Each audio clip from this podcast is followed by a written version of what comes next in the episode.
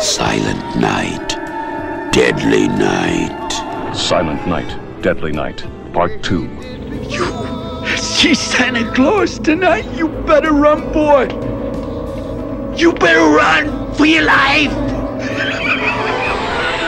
Garbage Day.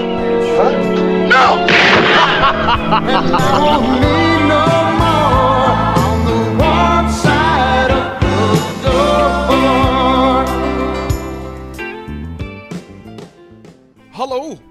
of, ho ho ho moet ik zeggen. En welkom bij Julius eh, versus Jasper, de podcast waarbij we elke aflevering twee genrefilms onder de loep nemen. En dan bespreken welke beter is.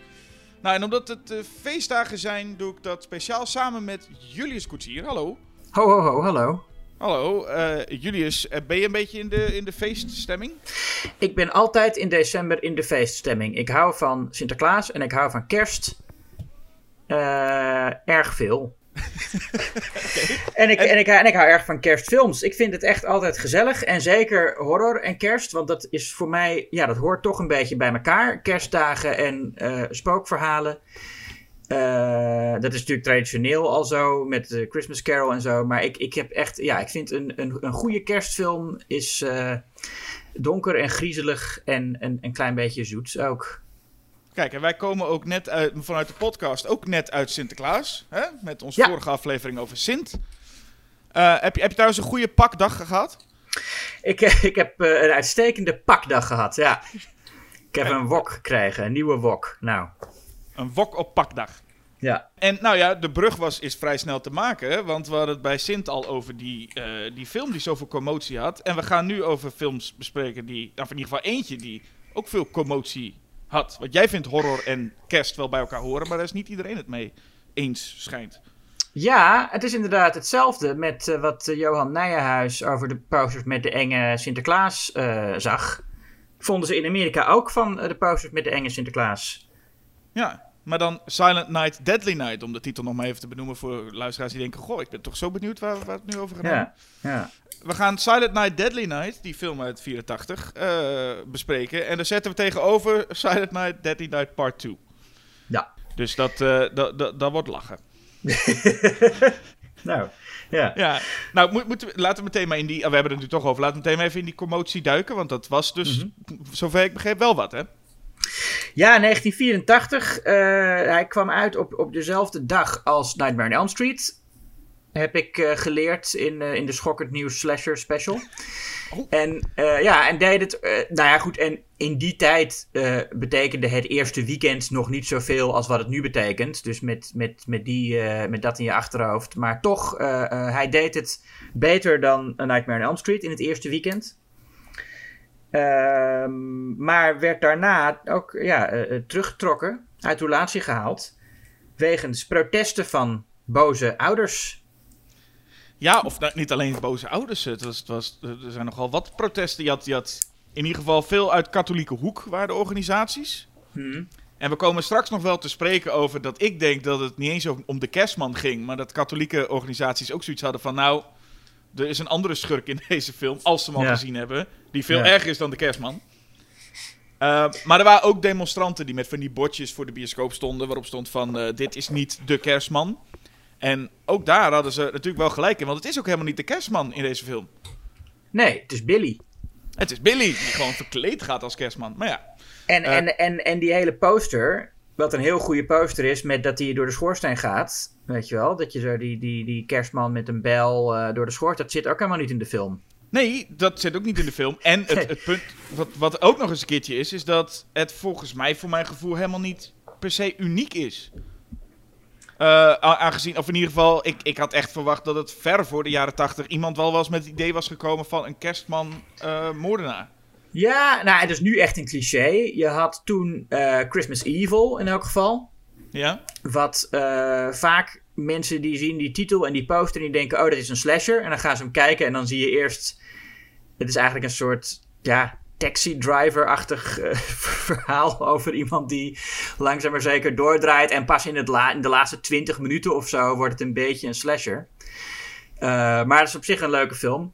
En je had uh, de eerste Tales from the Crypt film, waarin een moorddadige kerstman verschijnt. Maar het was nog niet echt zo'n cliché als het nu is in 84. Nee, en het is ook zo dat kerst en, en horror schijnbaar niet echt een probleem veroorzaakt. Want we hadden Black Christmas al gehad. Wat prima kan, maar zolang er daar niemand als kerstman verkleed ging, was het goed. Ja, het waren natuurlijk ook, ook gewoon de promotie, de trailers en de, en de posters en dat kinderen er bang van werden. En die actiegroep, die was, die heette iets met, ja, iets met moeders heette die actiegroep volgens mij. En die waren ook van plan om nadat Silent Night Deadly Night uh, gelukt was om ze zeg maar uh, uit de bioscopen te halen. wilden ze ook nog meer aanpakken. Het was een beetje, dit was het startpunt. En zij wilden alle, al, al die andere perverse, enge, nare films... wilden ze ook allemaal een beetje aanpakken. Maar dat is toen gelukkig niet helemaal doorgegaan. Nee, en je zegt dan inderdaad wel, wel moeders. Het, het zijn niet alleen moeders. Want, nee, maar zo die groep die heette iets met moeders, toch? dat is in ieder geval één van de. Maar het grappige is dat, uh, nou, onder andere, uh, en dat zijn, zover ik weet, geen moeders. Uh, Siskel en Ebert deden ook mee. Ja. En ik, ik weet niet of je gezien hebt, hoe, een stuk gezien hebt over Silent Night, Deadly Night. Um, nee, volgens mij heb ik die nooit gezien.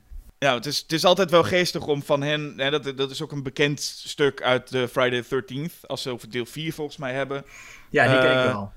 En hier is het ook, dan gaan ze, de, nou zijn ze natuurlijk, vinden ze het schande.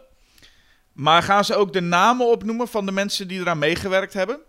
Ja. En dat zijn gewoon, ja, dan gaan ze de producenten opnoemen en TriStar Picture. En dan gaan ze gewoon opnoemen en dan zeggen ze: jullie uh, moeten je schamen. En dat schijnbaar doet dat dus best wel veel. Uh, want TriStar durft het niet meer aan. Haalde inderdaad de, de, de film uit de bioscoop. Ja, en het, het, het, verbaasde mij toch. Het is, ja, is dan toch iets wat Amerikanen blijkbaar met die kerstman hebben. Want het is niet alsof deze film nou zoveel gruwelijker of perverser is of schokkender dan uh, de Friday the 13th films die er toen waren. Of uh, noem nog eens wat. Nou ja, er waren natuurlijk nog wel veel heftiger slashers. Ja, maar ik, dan is het ook altijd. Ik denk dat de meeste demonstranten. Kijk, Cisco en Ebert wel, maar de meeste demonstranten hebben die film natuurlijk helemaal niet gezien. Nee. Dus die hadden geen idee van de, de, de, wat de echte... Dat ging puur om het idee, kerst en de kerstman dan vooral in een horror setting. Dat kan niet. Ja. Een beetje dus inderdaad wat Johan Nijhuis dus ook had met Sint. Ik bedoel, dat een enge poster ergens hangt, lijkt dan niet zoveel uit te maken. Maar het feit dat ze moeten uitleggen dat het Sinterklaas is, dat kan niet. Ja. En een van de leukste demonstranten, of in ieder geval mensen die er tegen waren, vond ik uh, Mickey Rooney, de acteur. Die uh, een brief schreef waarin hij echt zei dat hij echt zo fel tegen deze Silent Night Deadly Night was. En vervolgens zat hij jaren later in uh, Silent Night Deadly Night 5. Ja. Je, je, je, ziet hoe, de, hoe dat kan veranderen. Hoewel ik ook nog wel betwijfel of hij überhaupt wist dat hij in een, uh, in een Silent Night Deadly Night film zat. Want het zou maar zo kunnen dat die film anders heette. Ja. Want ja, de, wat je zei het al, want ik heb, ik heb deze hele reeks gezien en een stuk over geschreven. En dat zie je nu in het uh, nieuwe nummer hè, van Schokkend Nieuws, die over kerst gaat. Ja, onze kerstspecial. Uh, die moet je allemaal kopen. Ja, die, die kun je kopen op het moment dat deze podcast verschijnt. Uh, ja. Of je hebt hem al thuis op de mat horen vallen. En ik weet nog, toen ik deze film voor deze podcast dacht, ik ga hem nog een keertje even kijken. Dus twee keer in een hele korte periode. Uh, des te meer kwam het liedje Santa's Watching echt in mijn kop. En ik krijg hem er niet meer uit. oh jee. Ja. En ik vind het helemaal niet zo heel erg, want ik vind het best wel een leuk liedje. Oh. En het voelt als een, als een... Het is namelijk een kerstliedje wat speciaal voor de film is geschreven. Maar het, het had zo een, een kerstnummer kunnen zijn, wat mij betreft. Ik had hem zo, deze, deze Santa's Watching, ik zo op, op, hoe heet dat? Sky Radio Christmas Station kunnen horen, hoor. Ja, hoe gaat hij ook weer, Doemus? Nou, je, je, hebt sowieso de. Er zijn verschillende versies. Je hebt natuurlijk in het begin zitten dat, dat zo'n klein meisje het zingt, geloof ik. En dan is hij nog wel creepy. Maar aan het einde heb je echt die. Poem, poem, poem, poem, poem, poem. En dan, de, dat is voor de eindtitels. Ja, het is een beetje. Het is natuurlijk een beetje van. Uh, uh, Santa Claus is coming to town. Hè? Santa Claus is coming to town. Daar is het een beetje een rip-off van. Ja, maar ik vond het geen gekke rip-off. Nee, zeker niet. Zeker niet. Um, ja, Silent Night Deadly Night. Het is wel een film uh, die een soort raar idee heeft over wat een slasher zou moeten zijn, vind ik. Ja. Nou ja, het hele idee dat je dan bedenkt van... oké, we willen een, een killer Santa. En ja, dat is dan, vind ik natuurlijk een goed idee. Ehm, maar dat je dan niet gewoon bedenkt van we hebben een groep, een groep tieners en dan komt de kerstman en, eh, en, en die gaat ze allemaal afslachten. Dat is wat je dan wat, wat je zou verwachten, wat misschien mensen ook verwachten toen ze die poster zagen. Dat het gewoon gaat over een enge kerstman die eh, bij mensen door de schoorsteen uh, zakt en een paar tieners doodsteekt. Maar in plaats daarvan is het een ja, echt enorm lange karakterstudie voorafgaand aan de daadwerkelijke slasher. Ja, dat is, dat is ook waar. Je hebt, ik heb volgens mij ergens de tijd bijgehouden dat je volgens mij is het na...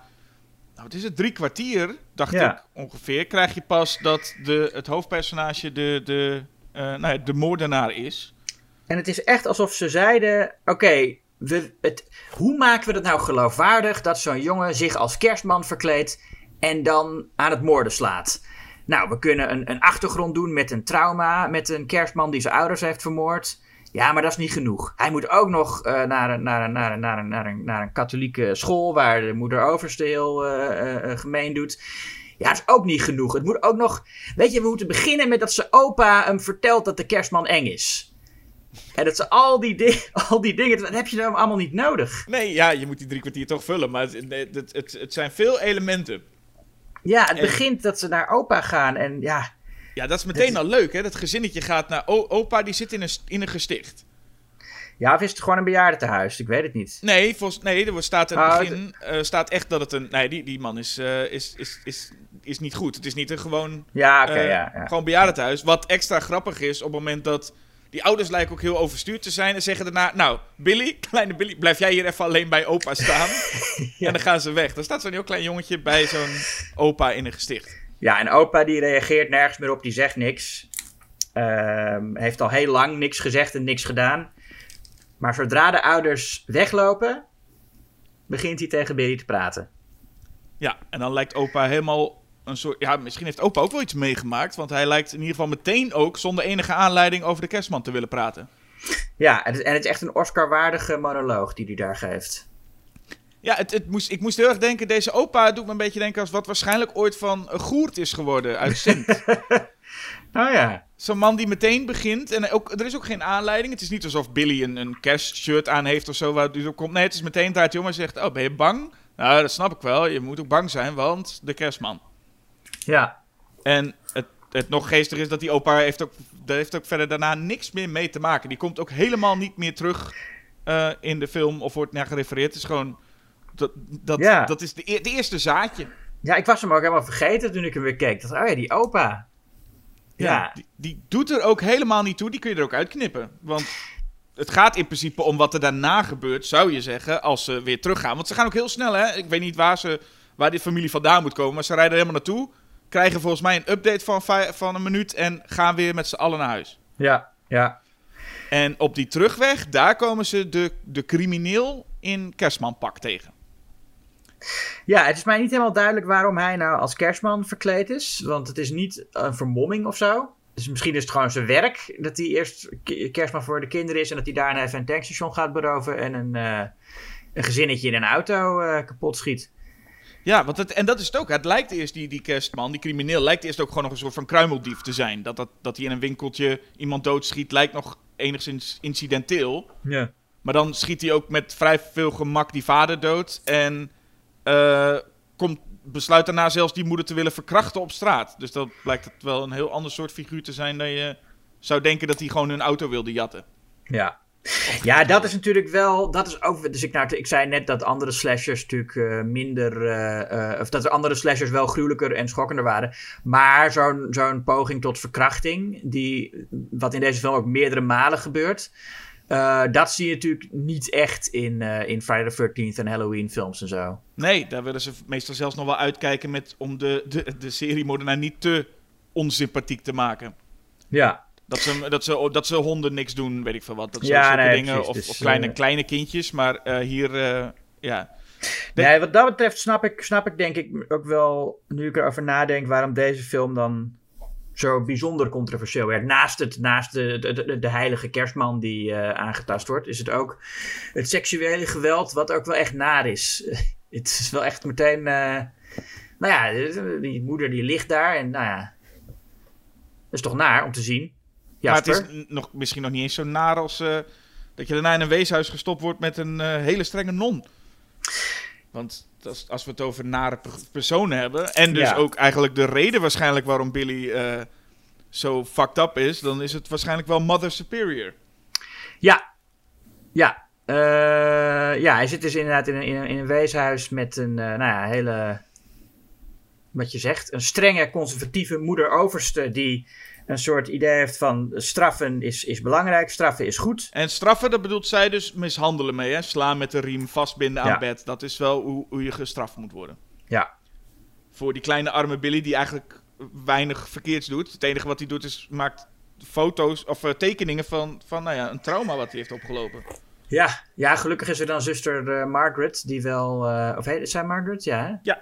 Die wel eh, hem eh, een beetje empathie geeft. Maar de, de moeder overste niet. Nou ja, gelukkig weet je in een film natuurlijk, zo'n personage krijgt gewoon haar verdiende loon aan het einde. Dus daar zit je je dan meteen op eh, te verheugen. Ja, daar ben ik wel blij mee dat ze dat aan het einde even een lesje leert. Maar eerst moet ze nog even, want het is, ze, ze moet straffen en ze- hij leert daar ook dat seks uit den boze is. Ja. En dat, dat doet hem dus. En dat is altijd een beetje verwarrend als we het dan toch over die karakterstudie. Want daar hebben we het nu over van Billy. Eh, hij leert van moeder Overste dat dus. eh, of Mother Superior dat dus seks uit den boos is. Maar dat als hij dan op een gegeven moment een stel seks ziet hebben. dan doet hem dat ook terugdenken aan die verkrachting. Ja. Dus is één van de twee was eigenlijk al wel genoeg voor hem, lijkt me. Maar hij moet inderdaad ook hier het moet er dubbel op zijn.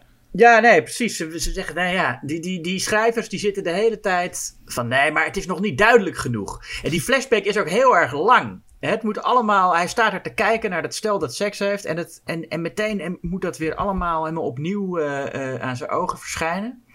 Ja, en het, het, het, ik bedoel, je zou bijna denken dat ze, niet, dat ze niet nog bedacht hebben van... moeten we die opa nog iets laten zeggen van... hey, and don't have sex. Ja.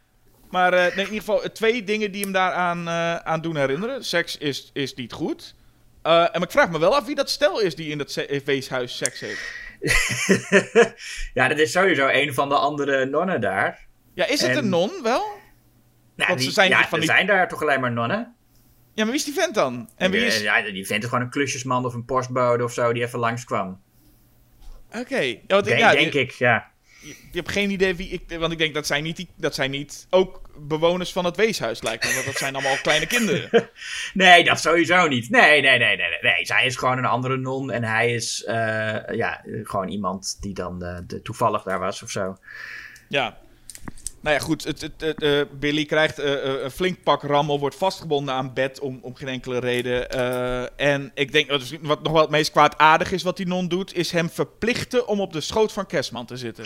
Ja, dan komt inderdaad, zoals zij hem noemt, Santa Claus. Dat vind ik wel leuk. Die non, de moeder over heeft een beetje een, een Iers accent ook.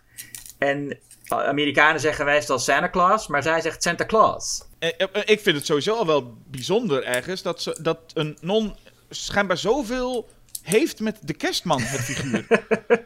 Nee, maar zij weet dat het Sinterklaas is natuurlijk. Zij weet dat het eigenlijk een katholieke heilige, heilige is. Dus zij eh, eh, eh, vindt zij, dat... heeft het eh, bij het, zij heeft het goed. Ja, ja.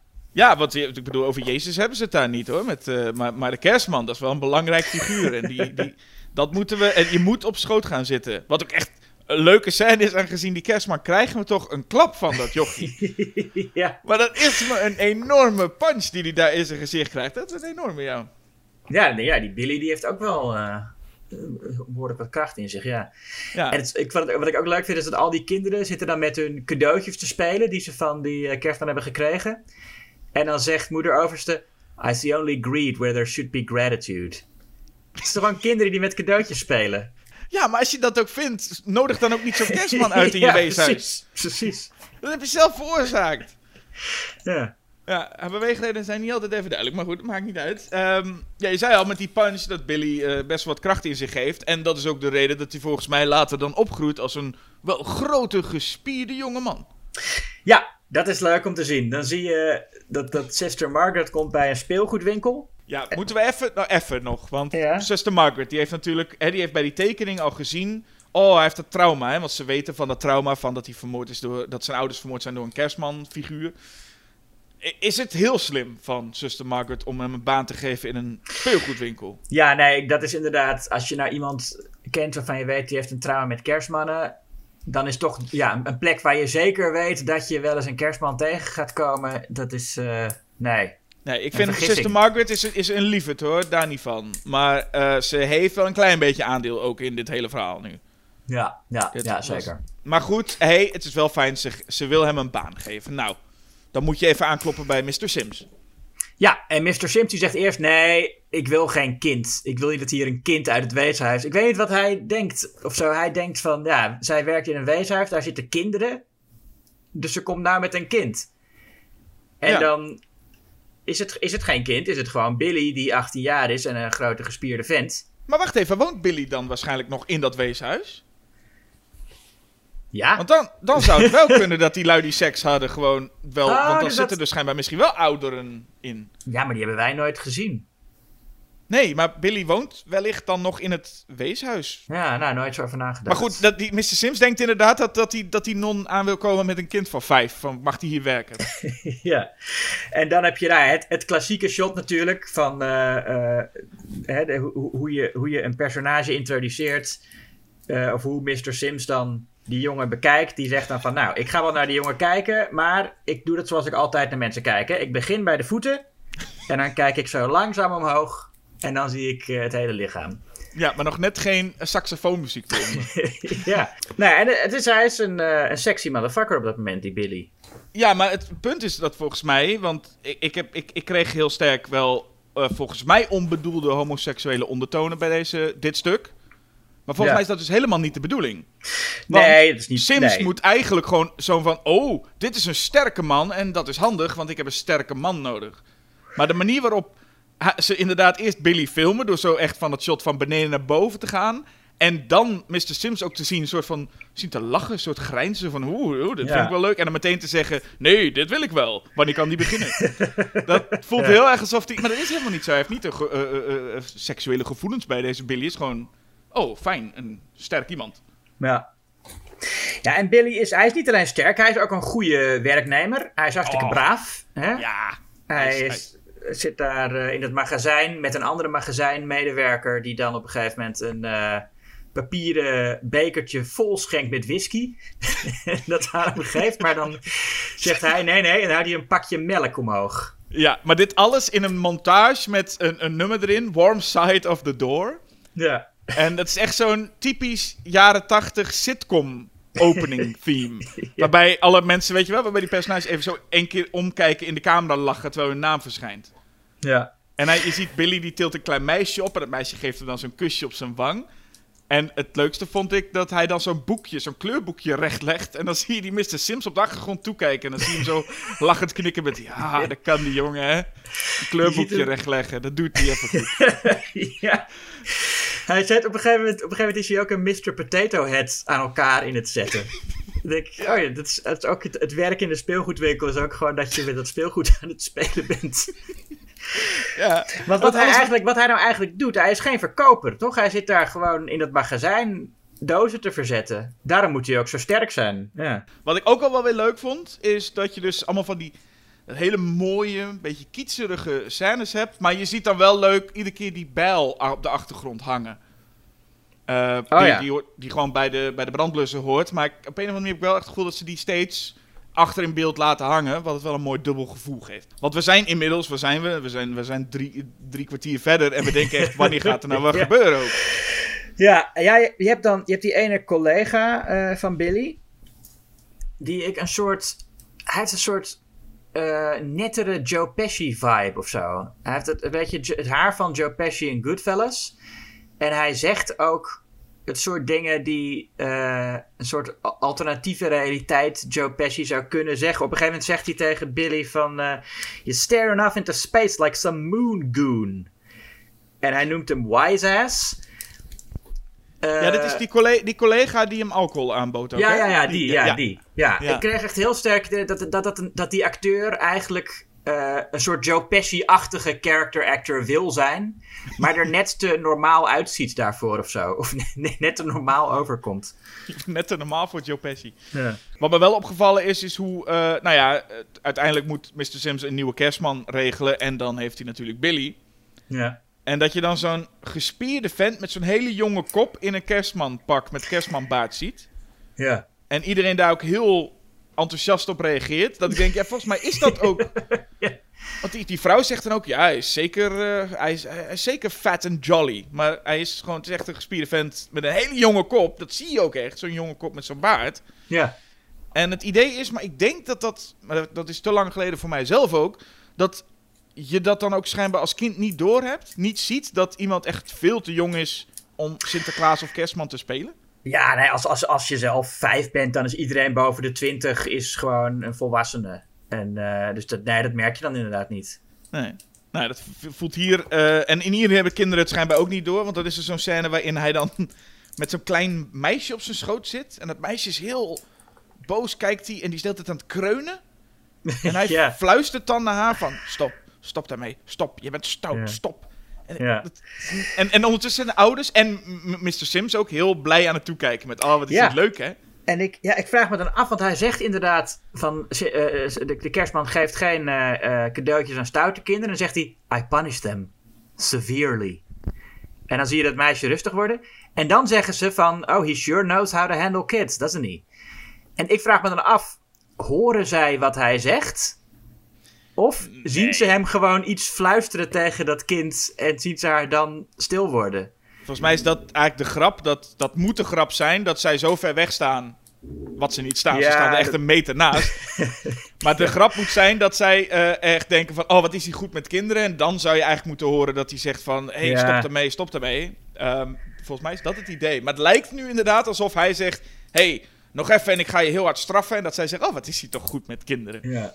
Maar, ook, maar als ze het niet horen, want ik denk ook dat ze het dan niet horen, maar dat is, dat, dat is, dat is ook creepy, toch? Dan zie je zo een, een kerstman die zo heel stilletjes tegen een kind een paar dingen zegt, terwijl hij heel serieus kijkt en het kind wordt stil. Dan zeg je ook niet, oh, nou, hij is wel echt goed met kinderen. Ja, en, en net daarvoor is er dus schijnbaar nou... Volgens mij wel een, in ieder geval 30 seconden lang... dat dat kind alleen maar kreunend op zijn schoot zit. Ja. Dus het moet, moet toch op zijn minst voor iedereen daar aanwezig ook ongemakkelijk zijn. Niet dat er gepraat wordt, niks. Gewoon een kind dat kreunend zo mm, mm, mm, op Ja. iemands schoot zit. En, en de ouders nergens te bekennen ook. Het kind is daar gewoon alleen. En die, het, ja, het is dan, in, in Amerika is dat blijkbaar eh, gebruikelijk dat kinderen tegen hun wil bij de kerstman op schoot moeten. Althans, dat, dat zie je heel vaak in films gebeuren. Ja, altijd die, in ieder geval, ik weet ook niet of dat zo... maar die, die winkelcentra eh, kerstmannen die dan ergens gaan zitten... en dat al die kinderen in de rij staan, even op schoot iets zeggen en weer doorlopen. Ja. Dat heb ik hier in Nederland in ieder geval nooit gezien. Nee, dat- ik ben blij dat wij eh, wat dat betreft Sinterklaas gewoon Sinterklaas is. En gewoon door de stad gaat op zijn paard en af en toe bij je thuis komt. En daar mag je bij hem op schoot. Maar dat hij niet in al die winkelcentra gaat zitten. Nee zeg. Nou, en, en dan hebben we het over... eh, ik, waar ik heel erg aan moest denken... want we hebben het nu nog steeds eigenlijk over een soort van...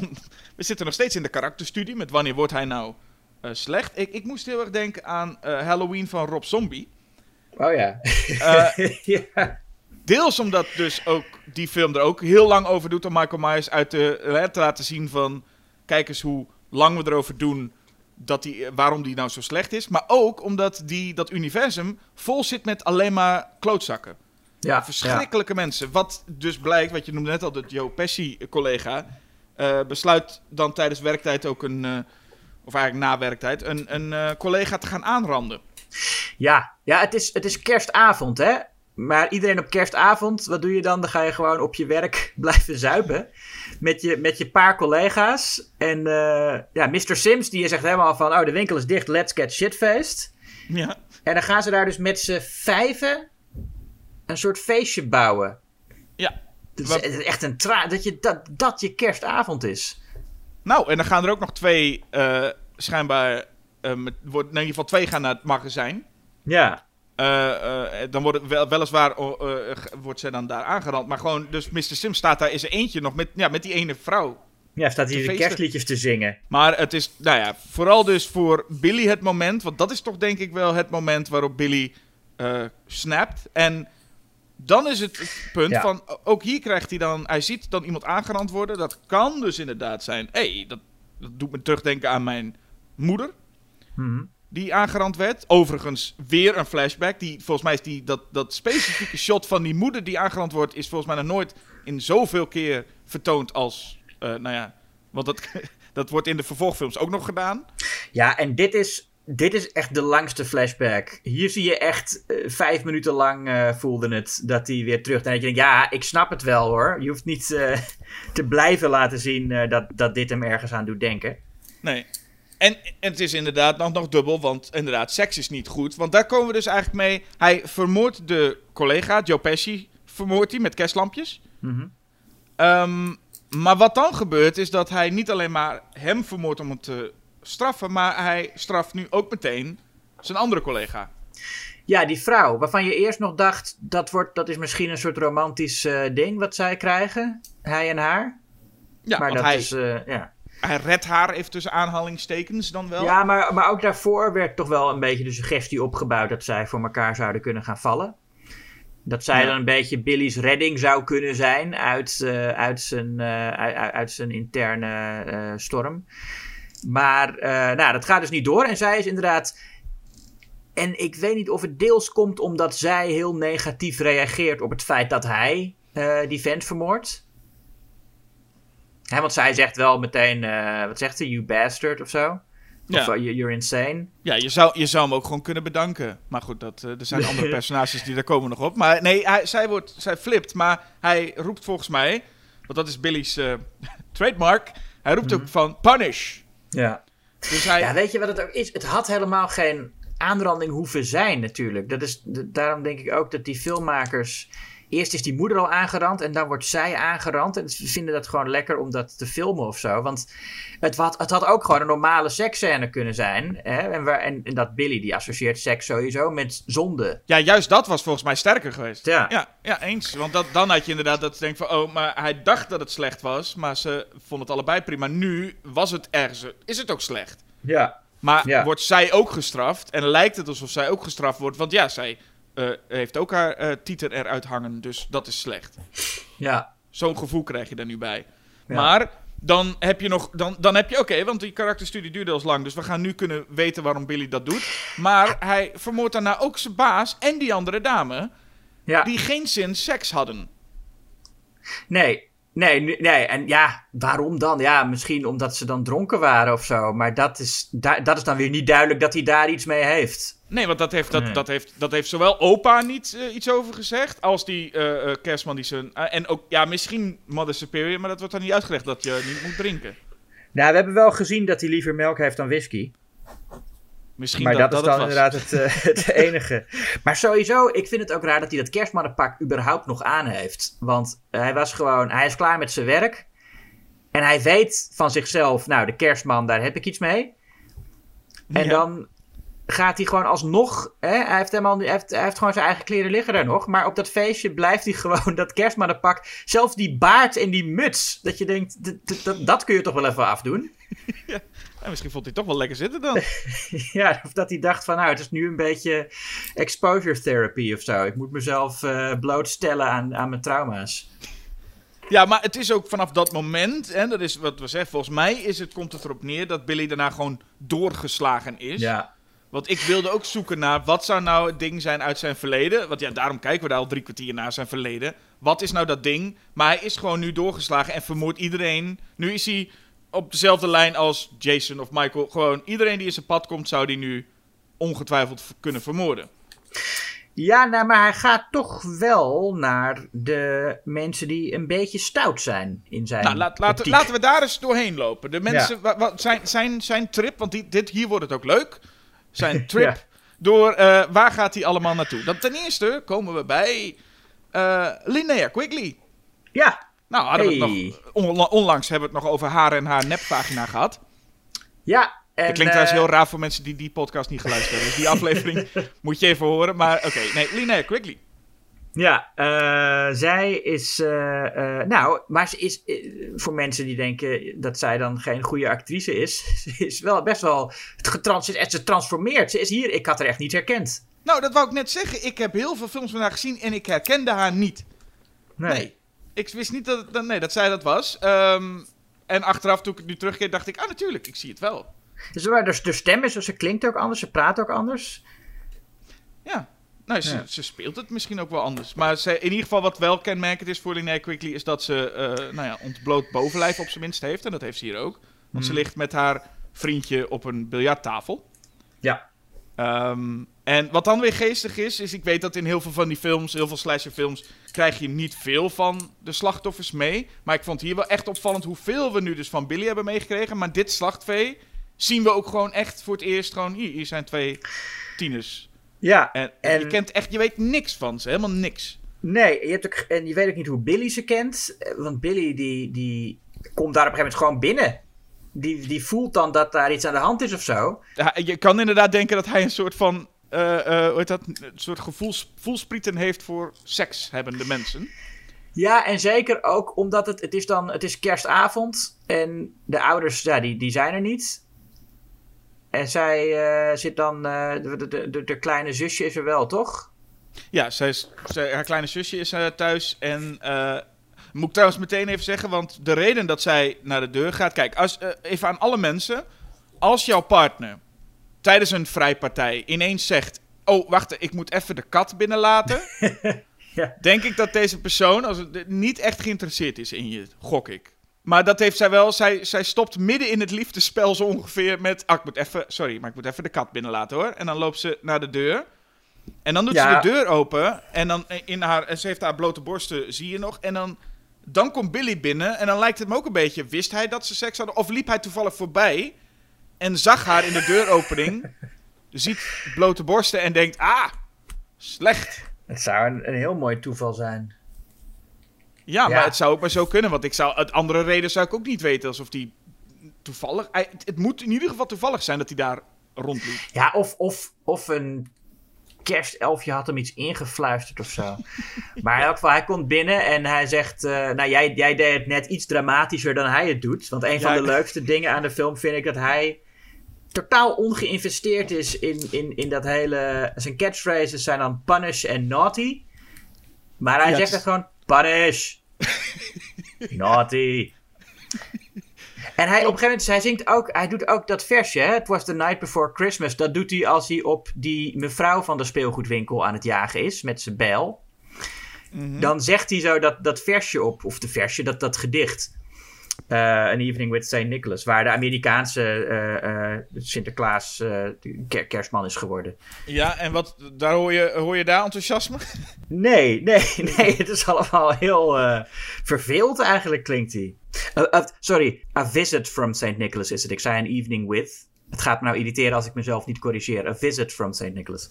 Eh, sorry. Nee, geeft niks. Daarvan acte. En dan, eh, maar ik, volgens mij is het wel de bedoeling dat hij het schreeuwt. Het stond waarschijnlijk ook in het script als punish uitroepteken. Maar hij zegt het inderdaad met een soort punish. Ja, ja dat, is, dat, dat, blijft, dat blijft ook grappig, die hele film. Punish. En, eh, nou wat, ja, Linnea Quick, Quigley wordt dan op een hertengewei gespiest. Ja. Wat ik, ja, dat is, ik, dat is zo'n scène waarvan ik dan het gevoel heb van dat ze dachten van, oh, dit wordt echt een coole moordscène. Dit kan een iconische kill worden. Ehm, en, da en daardoor werkt het voor mij gewoon helemaal niet.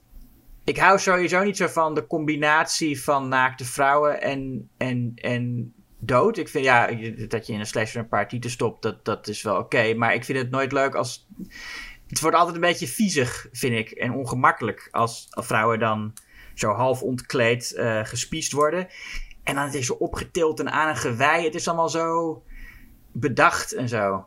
Ja, je, je voelt ook een soort van...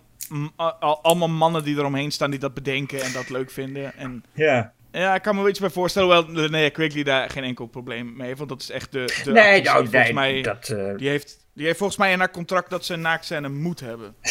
Nee, maar dat is ook niet. Ja, nee, dat natuurlijk. Maar het is inderdaad, zij, zij wordt aan dat hertengewei gespiest en, en, en haar vriendje is ondertussen maar gewoon in zijn eentje gaan biljarten. Weet je, ja, je, moet, je moet wat. ja, die denkt, ja. Wat herrie boven, nou, die kat zal wel boos zijn.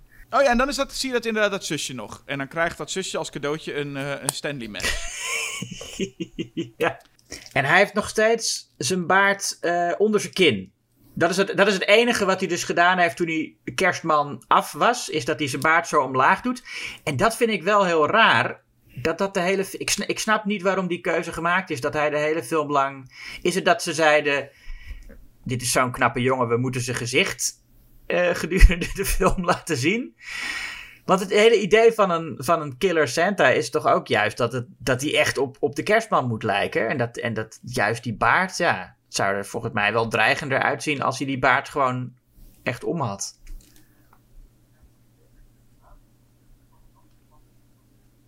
Oh, dat zal het zijn. Ja, dat zal het misschien wel zijn. Ja, dat hadden ze misschien nog kunnen dubben. Maar dat zou wel, het zou wel kunnen dat het het is.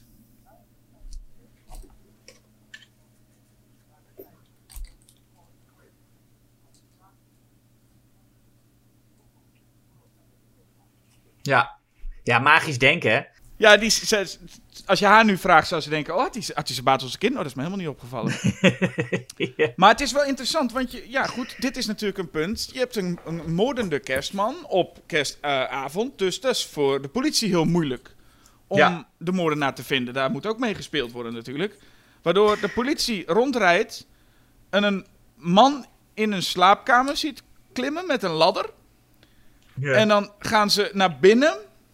En dan barsten ze naar binnen. En dan zien ze die kerstman bij een klein meisje staan. Die ligt te slapen. En dan blijkt het haar vader te zijn naar zijn dochtertje gaat. ja. En toch even. Want ten eerste. Dat dochtertje slaapt nog. Dus waarom die vader zoveel fucking moeite doet om met de ladder helemaal dat raam binnen te klimmen. en daar te staan. Volgens mij, dat was, dat was helemaal niet nodig, die moeite.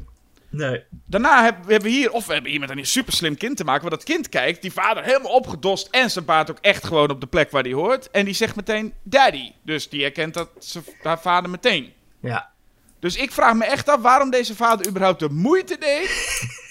om een kerstmanpak aan te schaffen. En nog een ladder en, en al die dingen te doen. Dat had hier helemaal niet nodig eh, geweest, denk ik. Nee, nee. Nee, ja, en, en die agenten die inderdaad met getrokken pistolen het huis binnenstormen en niks zeggen tegen die moeder die daar in de woonkamer zit.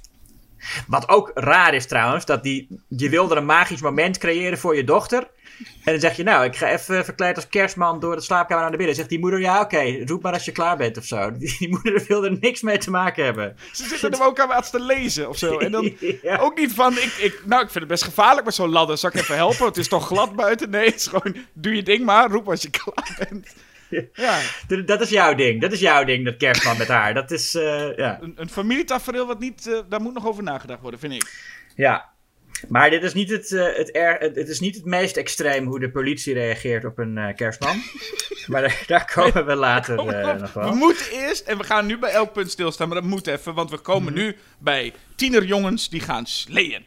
Yes. En ja, die, eh, ik, ik weet, ik heb vorige podcast over Sint en zo, kreeg ik heel veel, eh, nou ja, jij zegt dat steeds, dat ik acteurs vaak te oud maak.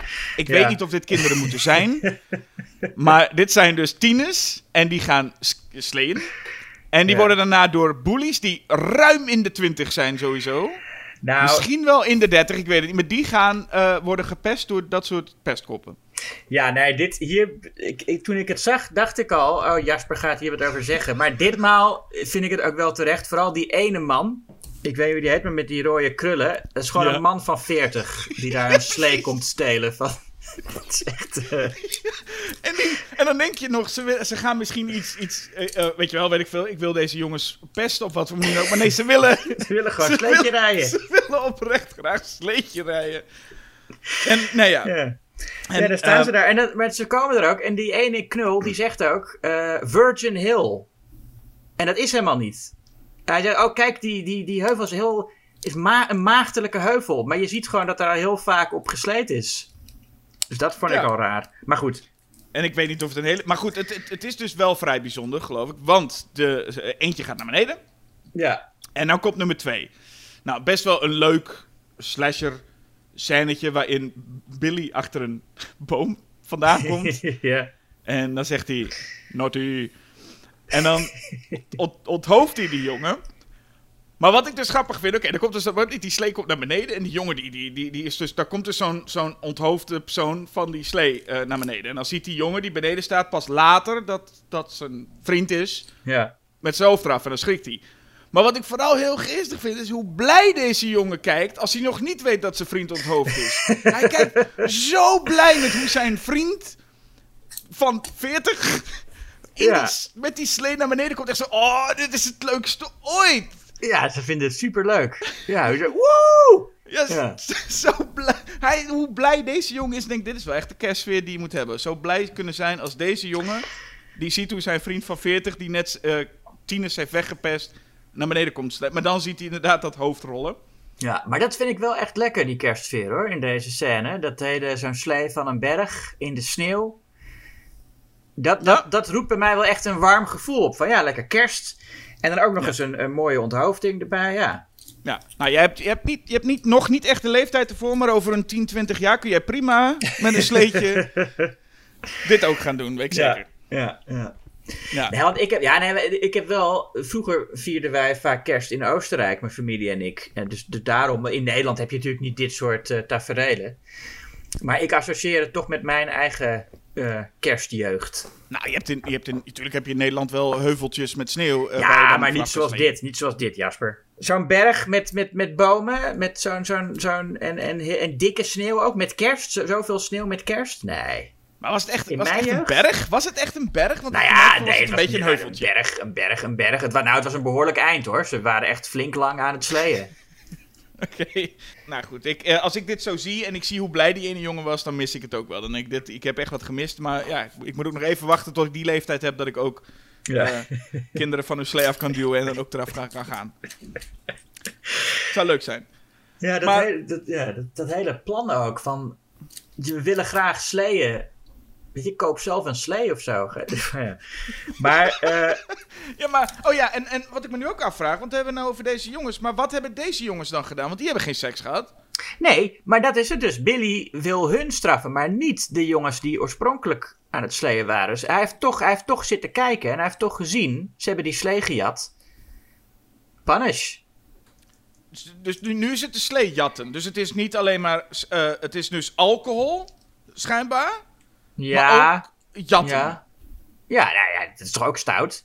Jawel, maar dan heb, dat heeft niemand in die backstory heeft dat, ge- ge- ge- Nee, heeft nee. dat gezegd. nee, nee, dat, nee, dat is zo, dat is zo, dat weet ik, dat is zo. Had dan, had, dan, had dan op zijn minst, dat weet ik veel, dat, dat Mo- Mother Superior Billy betrapte of een ander iemand betrapte op stelen.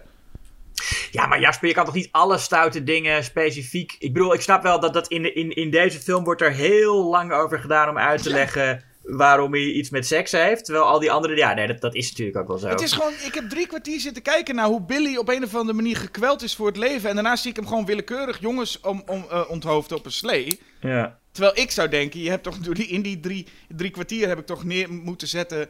eh, Billy is nu beschadigd door dit of dit. Maar dat, nou ja, Ja. goed. Deze jongens, eh, of deze, in ieder geval deze jongen. Want ik heb niet het idee dat die andere eraan gaat, maar dat, dat weet ik niet. Ja, dat, ja die, die eindigt... eh, we zien hem het laatst schreeuwen als hij het eh, afgehakte hoofd van zijn beste vriend ziet. Ja, Ja. We, we weten niet wat daar gebeurt. Het enige wat we weten, of wat in ieder geval de politie ook lijkt te weten, en zuster Margaret, is hij zal wel naar het weeshuis gaan. Want hij heeft één doel, en die snappen we allemaal toch? Ja. En daar zijn we ook nog steeds heel blij om. Hij gaat Mother Superior aanpakken. Dus Ja, hij gaat naar het dat. weeshuis. Dus met z'n allen, alle politie, naar het weeshuis en we stoppen hem. Yes, en nou ja, dan heeft die ene politieagent natuurlijk meteen geluk als hij eh, een kerstman aan ziet komen lopen naar het weeshuis. Yes! En dan roept hij even eh, stop. En de kerstman reageert niet, dus dan eh, ja, zit er niks anders op dan hem eh, neer te schieten. Dat lijkt me wel, vooral al met heel veel kinderen om hem heen. Ja, eh, dat je denkt van, nou ja, goed, maakt niet uit. Als je kan schieten, schiet hem. ja. ja, wat moet je anders als agent er naartoe rennen? Nee. Nee, je moet hem schieten, want ja, het is heel verdacht dat zo'n man gewoon doorloopt. Ja, ja. Dan ja. zal het een moordenaar moeten zijn. Meestal, moordenaars lopen altijd gewoon door. Ja. Dus eh, het is maar goed dat het gedaan heeft. Ja, en dan komen we toch achter de, de, de Ben Tramer van de Silent Night Deadly Night reeks. Hè? Ben Tramer in Halloween 2 ging ook dood. Had eigenlijk nergens wat mee te maken. Ja. Ehm, maar het is nog leuker, was nog leuker als Ben Tramer uiteindelijk een priester bleek te zijn. ja. Die, Ja. die, die doof is. En daarom reageerde hij niet, ja. Nee. En die politieagent, die mag daarna dus gewoon blijven. Ja, foutje. Moet kunnen toch? Dat is, die blijft gewoon, die blijft gewoon even hangen. En je ziet hem wel een beetje sip kijken als de moeder overste tegen hem zegt van... Nou, je hebt alleen maar eh, slechte dingen gedaan, hè? Je hebt niet, niet, niet echt goed gedaan, jij. En dan kijkt hij een beetje, ja, ik heb iemand vermoord. Ja, Maar ik mag nu toch wel blijven. En dan, dan blijft hij daar gewoon rondlopen in zijn eentje. ja nee, als, als zolang hij maar niet nog meer dove priesters doodschiet, dan mag je best even blijven hangen, ja. Wat heb je eigenlijk ook aan een stokdove kerstman, zit ik me nou te bedenken. Maar goed, misschien dat dat... Ja, daar was een keer eh, controverse over in België. Dat er was een eh, dove Sint-Nicolaas in een speelgoedwinkel. Die was ingehuurd als Sint-Nicolaas, maar die bleek toen doof te zijn. En eh, die speelgoedwinkel die was daar dan ontevreden over. Eh, terwijl die, die Sinterklaas die zei, ja, ik kan toch gewoon eh, met die kinderen communiceren. En daar is een heel, heel gedoe over geweest. Het werd in het programma van Wim Helsen werd dat uitgevochten. Oh, Ja. Nee, dus het kan wel. Ja, nou goed. Wat heb je aan een dove kerstman? Ja, het is, gewoon, het is toch gewoon de kerstman? als een priester die komt bij al die kinderen en al die kinderen zeggen ik wil graag een tractor. En die, die kerstman alleen maar, wat? nee, ja, nee, ja, kijk. Die kan het toch gewoon knikken? Jij kan gewoon de hele tijd Ja. knikken. Tot ze een vraag stellen en dan blijft die man maar knikken. Ik, gewoon, er, was, er was niet iemand anders. Maar oké, prima. Hij is er ook niet meer. Ze moet iemand anders vinden nu. Want, eh, ligt hij daar nog of zo op het moment dat de film nog verder gaat? Dat ze liedjes Oh gaan ja, zingen? eh, waar is dat lichaam gebleven? Ja. Want die politie gaat ook naar binnen met, nou, dat was stom hè. Maar dan ligt dan opeens, dat had ik wel leuk gevonden als het later gewoon dat die priester daar nog steeds zo in de sneeuw lag. ja. Die kinderen die hebben allemaal al een kerstman dood zien gaan. Dus dat zit ik ook. Dat vergeet je dan. Als je ze weer binnen ziet en je ziet ze gewoon spelen en zo. denk je, die kinderen hebben allemaal net gewoon de kerstman neergeschoten zien worden. Nou, en met name eh, Ricky. En dat Ja. hebben we het eigenlijk helemaal niet over gehad. Maar Ricky is de, het, het broertje, het kleine broertje van Billy. Die is dus daar eh, eh, ook in dat eh, weeshuis. En dat is ook degene die krijgt ook gewoon een, een, een lading bloed over, zijn, over, over zich heen. Als hij, want die Ja. stond echt heel dichtbij, die kerstman. En Ja. is het nou, eh, eh, eh, Ricky, kom gauw naar binnen. Dan gaan we even een liedje zingen. ja. En dat gaan ze ook doen. Dat, en die Mo- Mother Superior neemt ook elke aanleiding, dus zo'n type is het. Elke aanleiding om er iets erover te zeggen. Want dan zegt ze ook, Ricky, pak even mijn mondharmonica. Dat doet Ja. hij dat. En dan zegt ze ook tegen die andere non van, wat een lief joch is dat toch, hè? Niet zoals zijn broer, William. Ik, nou, je kunt een bitch zijn en je kunt Mother Superior zijn, maar... Ja. Ja. Toch? Nog erger is, dan pakt, die, pakt ze die mondharmonica en dan gaan ze Deck de Hals zingen en dan gebruiken ze die mondharmonica helemaal niet. Nee, maar dat, nee. Nee. Speelt ze daar ooit? Ik weet het niet. Eh, Nee, om- niet. de- om de toon aan te geven. Ja, nee. Ja. Dek de hand. Dat is wat ze doet. Maar goed. Nee, ik, ik zit alleen maar te wachten, want ik bedoel, zo meteen gaat dat mensen toch aan, dus hoppakee. Ja, eh, precies, eh, ja, ja, ja. Want daar is Billy, die is bij het weeshuis. Oh, en, en, en, die, en die agent wordt vermoord, hè? Ja, ehm, ja, op een, een beetje de Shining-achtige manier is dat. Gewoon bel in de borst. En, eh, waarom, wordt, waarom is Willy die agent eigenlijk straffen? Dat is iets. Ja, dat, dat, ik, ik wilde die vraag al niet eens niet meer stellen, maar Ja. eh, Nee, dat is inderdaad, dat is opeens raar. je wou nou zeggen, die agent heeft toch niks verkeerds gedaan. Nee, maar ja, hij heeft, natuurlijk heeft hij het verkeerd gedaan, maar dat weet Billy niet. Maar ja, wat heeft die sneeuwpop gedaan? Ja, ook dat nog. Ja, Want nadat die agent vermoord is, onthoofd Billy ook die sneeuwpop. Ja. En die heeft helemaal niks, die had helemaal niks verdiend. Nee, dus- dat is waar. Nee, nee, nee. Billy gaat wel ver. Nee, oké. Nee, dan, dan, dan neem ik het toch terug. Billy is niet alleen maar bezig met mensen straffen. Hij is wel, hij is gewoon een beetje een maniak die willekeurige mensen ver- vermoordt. Ja. Willekeurige mensen hebben sneeuwpoppen vermoord. Toch jammer Ehm, dat de film niet zo thematisch consistent is.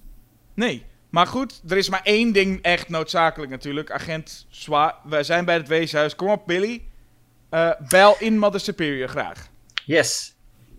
En dat, Nou. ja, dat, dat begint hij te doen. Dat begint, dat begint hij te doen. Hij staat met zijn bel boven zijn hoofd geweven. En, en, en moeder Overste zit in de rolstoel eh, eh, ja, te wachten.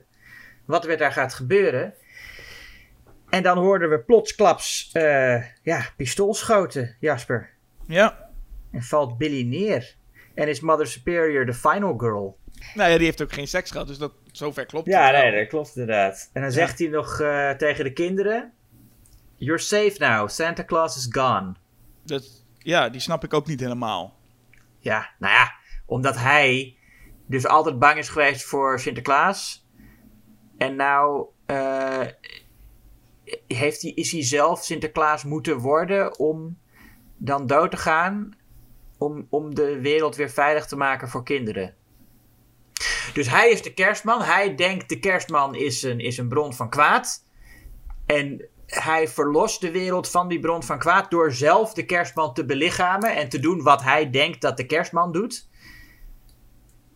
En dan moet hij sterven uiteindelijk. En dan is hij dan wel tevreden mee, want dan heeft hij de wereld een veilige plek gemaakt. Dat zie ik een beetje als de moraal. Maar de, hij heeft- tevens weet hij dat Mother Superior ook slecht is en gestraft moet worden. Dat lukt hem niet. Nee, dat lukt Dus niet. je weet dat die kinderen, ja, je kunt wel verlost zijn van de kerstman, maar dat is maar één keer per jaar. Eh, die Mother Superior leeft nog wel Ja. en daar zul je de rest van je leven mee eh, Ja. door moeten gaan. Ja, die kinderen kan het ook sowieso niet zoveel schelen trouwens. Tenminste, je ziet op die bank een paar zitten die wel echt aan het acteren zijn als Billy doodgeschoten wordt. Zie je een paar die echt met handen voor de mond zitten. Maar helemaal aan de rand van de bank zit één jongetje gewoon een beetje de, de andere kant op te kijken. een beetje om zich heen. Van, ah, ja, ja. Ja, maar het is maar ik bedoel, dit, dit, had, dit kende hij al, want hij had buiten ook al een kerstman doodgeschoten zien ja, worden. nee, precies. Dat zie je Dan is een dag. tweede Ja, kerstman doodgeschoten zien worden op één dag. Ja, daar ben je ook wel aan gewend op een gegeven moment hoor. Ja, ja. Dan weet, je, dan weet je het wel. Het enige die eigenlijk ja, het meest beschadigd lijkt te zijn is eh, kleine Ricky. Die kijkt in de camera of net na de, naast de camera en zegt dan nog even naughty. En dan zegt hij dat woord naughty, zegt hij eigenlijk veel gepassioneerder dan überhaupt Billy het ooit zei. Ja, nee, dat is inderdaad, die, die kleine Ricky, die, dat is een veel, eh, veel betere en, en, en, en eh, dra- dramatisch getalenteerdere schurk. Zoals Ja. ook zal blijken in het, in het tweede deel. Het gaat om de passie van die kleine Ricky. ja, eh, we hebben nog helemaal niet gezegd trouwens. eh, Charles E. Cellier Jr., of Cellier denk ik, eh, de regisseur van Saturday Night Deadly Night. Oh, we hebben de regisseur nog niet. Nee, dat hadden Nee, Cisco en Ebert al wel gedaan. Die hebben al die mensen benoemd, maar wij Ja, benoemen ze helemaal niet. Ja, Charles E. Cellier Jr. Verder heel wij helemaal niet zoveel. Hij heeft maar vier films geregisseerd. Waarvan de meeste, of nou eigenlijk allemaal niet zo bekend.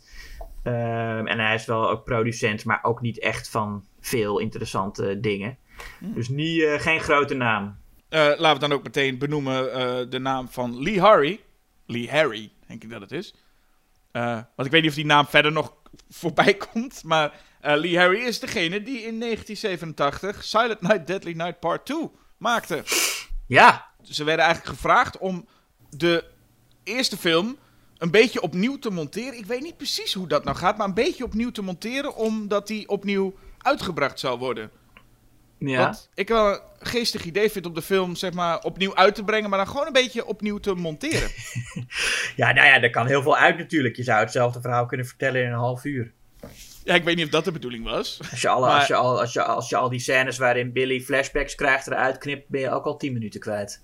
Ja, maar gewoon een beetje hermonteren voelt, voelt gewoon als... Maar ik neem niet veel korter, want deze film... Ja, wat is uh, Night Night? is 80 minuten of zo. Ja, Dus dan, om dan die dan te hermonteren... nee, deel 2 Gok is langer ook nog. Ja, nee, maar de eerste heb ik het over. En die moesten ze eigenlijk dan... De klus was hermonteren. Dus ik gok Ja. gewoon een beetje op, op, anders, op andere volgorde of zo. Waardoor je Ja, dus voor kan stellen ik, dat ineens eh, van... Oh, er is een nieuwe uitgave... Er is een nieuwe eh, film... Een nieuwe uitgave op DVD van The Shining. Eh, de openingsscène zit nu één stukje verder. Is net één, even omgewisseld. En er is een Ja. nieuwe film uitgebracht. Maar uiteindelijk hebben ze gekozen om niet, eh, om toch ook nieuw beeldmateriaal. Ze hadden heel weinig budget, maar om toch nieuw beeldmateriaal te gaan schieten. En zo kwam je, kom je met een soort vervolg. En ik zeg een soort van vervolg, want het is een soort van vervolg. Eh, het is alsnog ook nog wel een beetje een hermontage. Ja, het, het, het, begint, het begin is gewoon een clipshow. Ja, het begin, de eerste helft. De eerste helft, ja, de, precies de eerste helft, ja. Ehm, hoogtepunten uit de eerste film, in, ook, ook in flashback, ja. En nou, om te beginnen met, je had net al over de leeftijden. Hoe dat nou zit in deze film, dit is volgens mij zo eentje die zich in de toekomst afspeelt. Want de film eh, eh, nou, komt uit 1987, dus drie jaar na de originele. Maar Ricky is inmiddels een volwassen man. Eh, dus een je beetje zou van het, zeggen van het dat- kaliber van, eh, van Billy, denk ik, hè? Die, die, eh, Ja, ja hij, er wordt ook gezegd dat hij 18 jaar is op een gegeven moment. Dus ik denk dat deze film zich dan toch afspeelt ergens begin jaren 90. Be- Ricky is hier ongeveer de leeftijd van. En ook, ook het postuur van zijn broer. Hè? Is ook een. eh, ja, nou nog wel meer dan dat. zo. Zo. Ja, we moeten het eigenlijk meteen er maar over hebben. Ondanks dat we nog 40 minuten aan. eh, nou ja, wat we eigenlijk al besproken hebben. Maar we, hebben, we zien al wel meteen bij Silent Night Deadly Night Part 2. Leren we, maken we kennis met Ricky. Gespeeld door Eric Freeman. Ja. Ehm, ja. En wat moet je nou over hem zeggen? Nou, wat ik vooral over hem moet zeggen is dat hij oorspronkelijk auditie deed voor een van die agenten in deze film. Oh. En werd toen een paar keer teruggevraagd en kreeg uiteindelijk de hoofdrol. Nou, Ja. en dat is toch wel echt een schot in de roos geweest. Ja, enorm. Ja, ja, ja. Deze Eric Freeman en zijn wenkbrauwen zijn, zijn fantastisch. Ja, het is echt bij, bij elk woord dat hij uitspreekt, gaan die dingen op en neer. Hè? Het, is, hij zit, het is niet te geloven. Je zou het verwachten dat hij, is een flinke bodybuilder. Maar hij doet voor, ik denk dat zijn wenkbrauwen de meest getrainde spieren in zijn lichaam zijn. Ja, want het is, eh, ja, hij, heeft een fantastisch over de top spel. En dat zien we meteen. In de eerste 40 minuten zien we dat al. Ook al is het een soort clipshow. Maar hij wordt ondervraagd, deze Ricky, door een eh Dr. Henry Bloom. Ja, hij zit in een, in een inrichting. En eh, nou, die gaat hem ondervragen. En dan kom je eigenlijk al bij een van de belangrijkste punten. Of belangrijkste punten. De vraag: hoe weet Billy dat? Of Ricky Ja. dat allemaal? Ja. Want hij heeft meteen flashbacks en we gaan echt de hele film door. Wat in eerste instantie betekent eh, dat zijn ouders vermoord zijn. Mhm. En eh, daar was Ricky een baby. En dan vraagt Dr. Bloom ook... Ja, maar dat vertel je nou allemaal wel, maar dat is wel heel lang geleden, hè? Hoe, hoe kun je dat nog herinneren? Wat ik niet een hele terechte vraag vind. Ik vind vooral een terechte vraag... Je was een baby, hoe kun je het überhaupt ja. herinneren? Ja. Niet van, god, dat was wel heel lang geleden, toch? Ja. Dat alsof ik nu te- zou zeggen... Nou, Julius, jouw geboorte is wel heel lang geleden. Hoe kun je dat nu nog Hoe herinneren? je, ja, hoe, weet je, ja, hoe weet je wanneer je geboren bent? En, en, Ja, en, maar en Ricky ook- geeft als antwoord, omdat ik erbij was. Dan denk ik, ja, daar, kun je ook geen, daar valt geen spel tussen te krijgen. Dus, Ja, maar eerst zegt hij dat dus niet. Dat is raar. Het is alsof, alsof dit scenario is geschreven zonder ooit terug te kijken naar wat er eerder geschreven is. Want het, is, het begint, je ziet die flashback en dan hoor je hem vertellen. Je ziet zo die kind in de auto en de auto stopt. En dan hoor je zo de stem van Eric Friedman die zegt: I don't know why they stopped. En dan zegt hij: Oh nee, toch wel. Want Billy heeft me alles verteld. Eh, nou, en dan denk je: nou, Oké, dit he- heeft Billy hem verteld, daarom weet hij dat. Ja. Maar dan wel- in, da- daarna zegt hij inderdaad van I was there. En het punt is inderdaad dat je je wel voor kan stellen... Oké, met door de zin Billy heeft me het verteld... heb je een deel van de film opgelost. Ja. Want dat zou best kunnen dat Billy op een gegeven moment in het weeshuis met zijn broertje zat en zei... Oh, weet je wat er toen gebeurde? Toen onze ouders... eh, toen werd... eh, jij lag te huilen en ik eh, ging in de bosjes en toen werd mijn moeders... eh, onze moeders keel doorgesneden en zo. Nee, dat vertel je dan. Ja, helemaal tot in detail natuurlijk. Want eerst, eerst, eerst sloeg ze die man en toen, eh, ja. Dan komen de momenten dat hij volwassen is. Ja, je, je hebt eerst nog dat hij vertelt over de seksscène in het weeshuis die eh, Billy heeft gezien, waarvoor hij gestraft werd. Ja, nou, dat zou technisch kunnen, toch? Ja, het zou kunnen dat Billy dat verteld heeft aan eh, Ricky en dat Ricky eh, eh, dat weer vertelt aan die psychiater. En dat zou ook verklaren waarom het nu opeens twee andere mensen zijn die Billy seks ziet hebben. Ik weet niet of jij dat opviel. Nee, is dat zo? Ja, de dat- scène is, het is gewoon dezelfde scène waarin hij door dat sleutelgat gluurt. En wat hij ziet van de naakte lichamen is ook volgens mij hetzelfde als in het origineel. Ja. Maar als je dan de gezichten van die mensen ziet, dan zijn het twee andere. Oh, Dus ik denk dat ze dan van de acteurs uit het origineel niet toest- geen toestemming konden krijgen of zo. Wat me wel raar lijkt dat dat zou moeten. Maar dat is de enige verklaring die ik zou kunnen bedenken. ze Waarom, wilden- eh, waarom ze wilden niet toch iets, ze wilden toch iets toevoegen nog. Of ze, ze- ze- ik weet het niet. Ja. Ja. Of ze dachten, ja, ik wil, ik wil mijn neef een kans geven om in een film te verschijnen. Ik doe even zijn gezicht hier. eh, ja. Dat kan hij nog verteld hebben. Dus dan zegt Billy van, nou, dat heb ik allemaal gezien. Wat, er daar, wat ik door de sleutelgat zag, joh. eh, naakte mensen, allemaal dit en dat. Eh, dat kan ook nog. Mhm. En Billy zou zelfs nog wel tegen Ricky hebben kunnen zeggen van... Nou, ik heb nou een baan bij meneer Sims. En die, eh, nou, die vindt me heel goed. Eh, heeft me van top tot teen bekeken en zo. En eh, dat, dat kan hij ook nog wel verteld hebben. ja. Maar dan komt het moment dat... twee dingen. In eerste instantie komt het moment dat Billy die... moment dat hij doorslaat en dus gaat moorden... Daar had hij nooit meer kunnen vertellen. Want hij ging, Nee, hij ging niet meer terug. nee. En wat nog, nog leuker is, is... Hij kan helemaal... Hoe heeft, Ricky, hoe heeft Billy überhaupt kunnen weten... wat personages waar Billy niet ineens bij was kunnen vertellen? Ja, Want je krijgt dat- op een gegeven moment dat Ricky vertelt over die twee agenten die in die auto zitten. En dat het, nou krijg je weer die scène met die, met die vader die de ladder op gaat. Ja, want überhaupt, die psychiater die zit dan van... Waarom ben je dit aan het vertellen? Van, wat, wat- wat, heeft dit nou weer te maken met jou? We hebben het hier over jou. Niet van, oh, en weet je wat er ook nog toevallig gebeurde? Diezelfde avond was een vader gewoon naar zijn dochter aan het klimmen. Ja, die moeder En, zat te eh, lezen en die vader die klopte het ding. En die, And Daddy almost got his present early. But Billy was miles away. ja, dat, dat is... Dat is hij zegt wel- ook gewoon letterlijk, Billy was miles away. Alsof om nog te bevestigen van, Billy was hier ook niet bij. Dus dat ik dit weet, slaat echt helemaal nergens op. slaat helemaal nergens op, nee. Maar eh, ja, het, het was in principe... eh, hij heeft een paar, volgens mij, feiten fout. Want hij zegt ook dat Mother Superior Billy die baan in de speelgoedwinkel heeft gegeven. Maar dat was helemaal niet zo. Hè, dat was Ja, klopt. zus- zuster Margaret. Ja, en hij zegt van die kerstman. Ja, dat is ineens een conciërge. Old man Kelsey, the janitor. Poor bastard was deaf. Ja, en, het is, en, Ja. en dat voelde niet als een, een, een vergissing, maar voelde bijna meer als van... Oh, is, misschien gaan we toch iets te ver dat het de priester was. Ik weet niet waarom je hem anders dat... Ik bedoel, dat was meestal Eh, een, een, een grappig element dat het ook nog eens een keer een priester is die ze daar doodschieten. Maar ik heb het idee Ja. dat het bijna een soort stukje censuur was van, nou maak er toch maar conciërge van. ja, zou dat dat zijn? Ik denk, ik, ik, ik zat te denken, ze hebben gewoon die film... Ze, ze, ja, tijdens het schrijven dachten ze van, wat, wat was het ook weer? Nou, gewoon een dove man, weet ik veel, maakt niet uit. Oh, dat ze het gewoon zelf niet wisten tijdens het ja, schrijven. Dat het gewoon een beetje laksheid is van, ah, ik heb geen zin om die hele film weer helemaal te moeten kijken, jongens. Gewoon even dat stukje eruit knippen. Dat moeten we de montage zo vaak nog die film nog een keer opnieuw kijken. Dus. Nee, maar het idee, ik dacht inderdaad, misschien denk je dat te veel van nou. Ik dacht misschien dat ze Sister Margaret eruit gehaald hebben, omdat, nou ja, dat, anders moet je dat ook weer gaan uitleggen. Hoewel, nee, Sister Margaret zit zelfs er ook wel in. Want die rijdt met die agent alweer. Ja, ja. Dus ze gooien eigenlijk alles erin. Eh, hetzelfde, ja, Lin- Linnea Quigley, alles komt eigenlijk voorbij. Eh, en dat is gewoon echt 40 minuten van deze film. Is voornamelijk beelden eh, van ja, Silent Night, Deadly Night 1. Met af en toe knippen we even naar Dr. Bloom, wiens tape recorder even op is bijvoorbeeld. Ja, En, en Ricky, die dus met zijn wenkbrauw een beetje aan het, alvast aan het oefenen is voor de scènes die hij in de tweede helft zou gaan krijgen. Ja.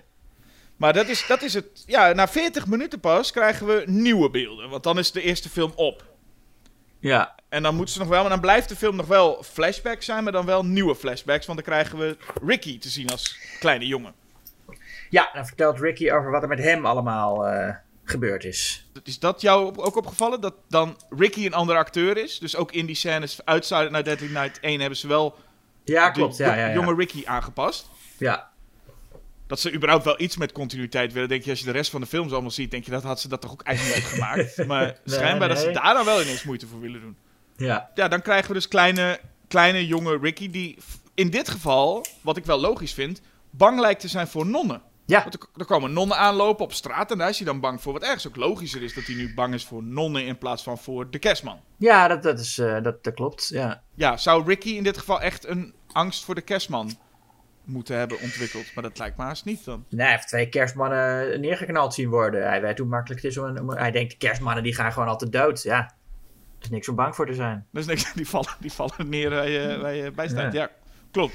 Ehm, nou ja, en, hij is, en, en dan krijgen we een scène met jonge... Ja, eigenlijk- ik zeg jonge Ricky, maar dat is eigenlijk een jongen die, die, die, die bijna even oud als Eric Freeman lijkt. ja. En, maar wel een totaal andere acteur. Volgens mij moest dit een soort van tiener... Ja, tiener Ricky. Of, of zelfs... Ik weet niet hoe oud die moet zijn. Maar het is gewoon een, ook een volwassen vent lijkt het nu bijna. ja, hij lijkt erg op Ben Shapiro. Oké, zeg me zo even niks, maar dit kan ik me Nou voorstellen. dat maakt niet uit. Ja, dat, eh, ben Shapiro is een, is een Amerikaanse rechtse politieke commentator... die ook een beetje een klein jongetje en een volwassen man tegelijk is. Ah, nou, Eh, misschien dat ze dus- daarom, daarom ervoor Ja. gekozen hebben. Maar deze jongen ziet ook een aanranding. Ja, Eh, deze, de- deze jongen, ik moet dan zeggen gewoon Ricky, eh, die ziet een aanranding. En dan, en dan, maar dan krijgen we hoe het eigenlijk zou moeten zijn. Hè? Als je een aanranding ziet, je rijdt met je auto meerdere malen over die man heen. En dan zegt het meisje natuurlijk, hé, hey, bedankt hè. ja. ja en dan gaan ja, ze weer weg. Ja, En dan denk ik, kijk, dit is, dit is dankbaarheid. Dat hele ondankbare, hey, je hebt iemand vermoord, dat vind ik helemaal niet leuk. Dat is, dat is natuurlijk, hè, dit is hoe je zou ja moeten dit is hoe reageren. het hoort. Ja. En dat meisje blijft ook leven, dus dat is dan goed. Ja, nee, Het is wel, ik moet wel zeggen, je hebt dus ehm, de poster van Silent Night Deadly Night Part 2. Vind ik al heel slecht voor een slasher. Dat is namelijk een kerstbal waarin een, een, een pistool eh, gereflecteerd is.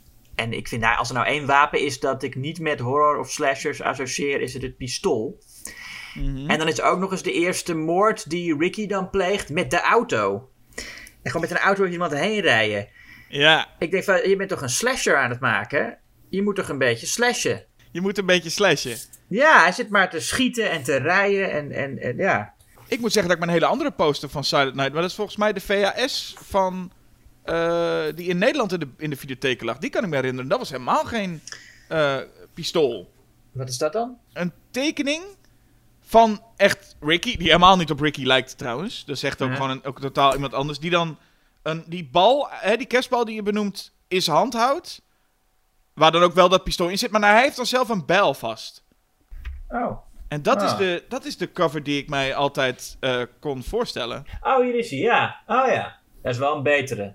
Dat is wel een beter, maar dat is de VHS in, die bij ons in de videotheek altijd lag, weet ik. Eh, die kon ik me nog echt herinneren. Maar inderdaad, die, die poster met die bal, dat is, eh, dat is helemaal niks. En het is, hij, heeft wel, hij heeft ook een kerstmannenpak aan. Oh, maar dat heeft Ricky natuurlijk aan het einde ook. Ja. Er is dus wel iets van een motief, schijnbaar.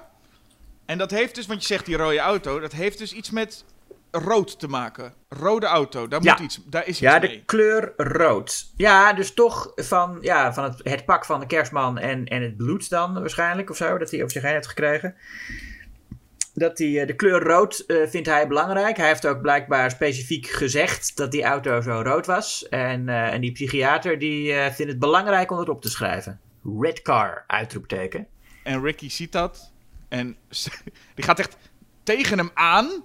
Ik weet niet of je dat bekende shot uit Alien 3 kent met Sigourney Weaver die dan zo wegdeinst en dat zo'n Ja. alien echt heel dicht tegen haar gezicht zit. Nou, dit is dan, maar dan geen alien, maar Eric Freeman. En die zegt dan, red car, good point. En dan springt hij weer uit beeld. Ja, het is zo'n bijzondere scène, want die dokter die zit dus naar zijn, naar zijn notitieboekje te kijken en dan kijkt hij op en dan is Ricky opeens verdwenen. Dus hij kijkt zo voor zich en hij denkt, net zat Ricky daar nog. En nou is hij er niet, wat gek. Hoe kan dat nou? Waar is hij nou? En dan verschijnt zo Ricky's gezicht inderdaad naast zijn gezicht, vlak naast zijn oor in beeld. En dat is zo, dat dan, dat je, Ik denk dat dat wel een eye-opener voor die dokter was. Van, oh, naast mij, dat komt ook Naast nog. me! Ja, nee, maar dat is, dat, is, dat is hoe je ziet dat mensen dus die niet goed zijn in filmtaal, toch proberen iets heel filmisch te doen. Met een point of view. En dan van, ja, wat, wat het publiek ziet, zien de personages. En wat het publiek niet ziet, zien de personages niet. Ja. En als je nou heel goed bent in filmtaal, dan kun je met zulke dingen wegkomen.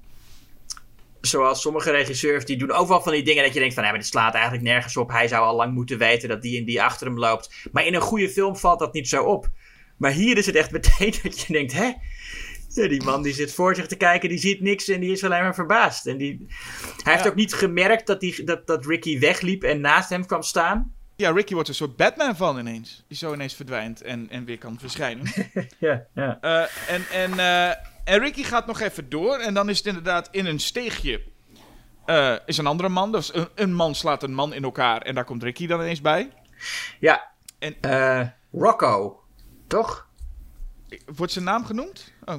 Nou, ik heb in elk geval in mijn notities heb ik staan de naam Rocco. En ik, dat, dat moet die man zijn, want anders heb ik geen idee wat het is. Ik weet niet wie is Rocco dan? De man die in elkaar geslagen wordt? Of de man die in elkaar Nee, slaat? de, de man die in elkaar slaat. En dat vind ik Oh ja. echt een, eh, een leuke scène. Want hij is, hij, je ziet echt aan hem, hij is dan ingehuurd, die acteur, voor, eh, voor een kleine scène in een horrorfilm. En ik denk, nou ja, ik ga er echt wat van maken. Dit wordt echt mijn doorbraak. Want het is gewoon een scène van een man die een andere man ui- aftuigt omdat hij geld verschuldigd is. Where's my money, where's my money? Nou, kennen wij uit duizend films. Maar hij geniet er echt enorm van. Ja. Ja, deze man Ja. denkt waarschijnlijk... Hé, hey, jullie hadden een soort Joe Pesci in de eerste film. Ik, wil, oh, ik, ik zou ook in Goodfellas kunnen zitten, hoor. ja, precies. Zie mij maar. En nou moet het idee zijn... Ik weet niet of dat zo is, maar dan moet het idee volgens mij zijn... dat die man heeft dan iemand in elkaar geslagen... en dat zou Ricky in principe niet per se wat moeten doen... maar dan haalt hij een rood doekje tevoorschijn... en maar veegt hij zijn gezicht af. En dat dat dan het ding is wat Ricky tot moord aanzet. Ja, precies. Althans, Ja. dat, dat gevoel heb ik nu, omdat die... Nou ja, dokter- hij vindt het al slecht dat hij dat doet. Maar dat doekje, dat is dan een soort... Ja, de, de extra trigger die ook zijn... De, de, de daad bij de gedachte doet voegen, denk ik dan. Ja, zo van, dat was de druppel, dat je nou nog een Ja. rood doekje hebt. Ricky is een soort stier, een beetje, denk ik. Ja. Dan wordt namelijk deze man ook vermoord met een, met een paraplu.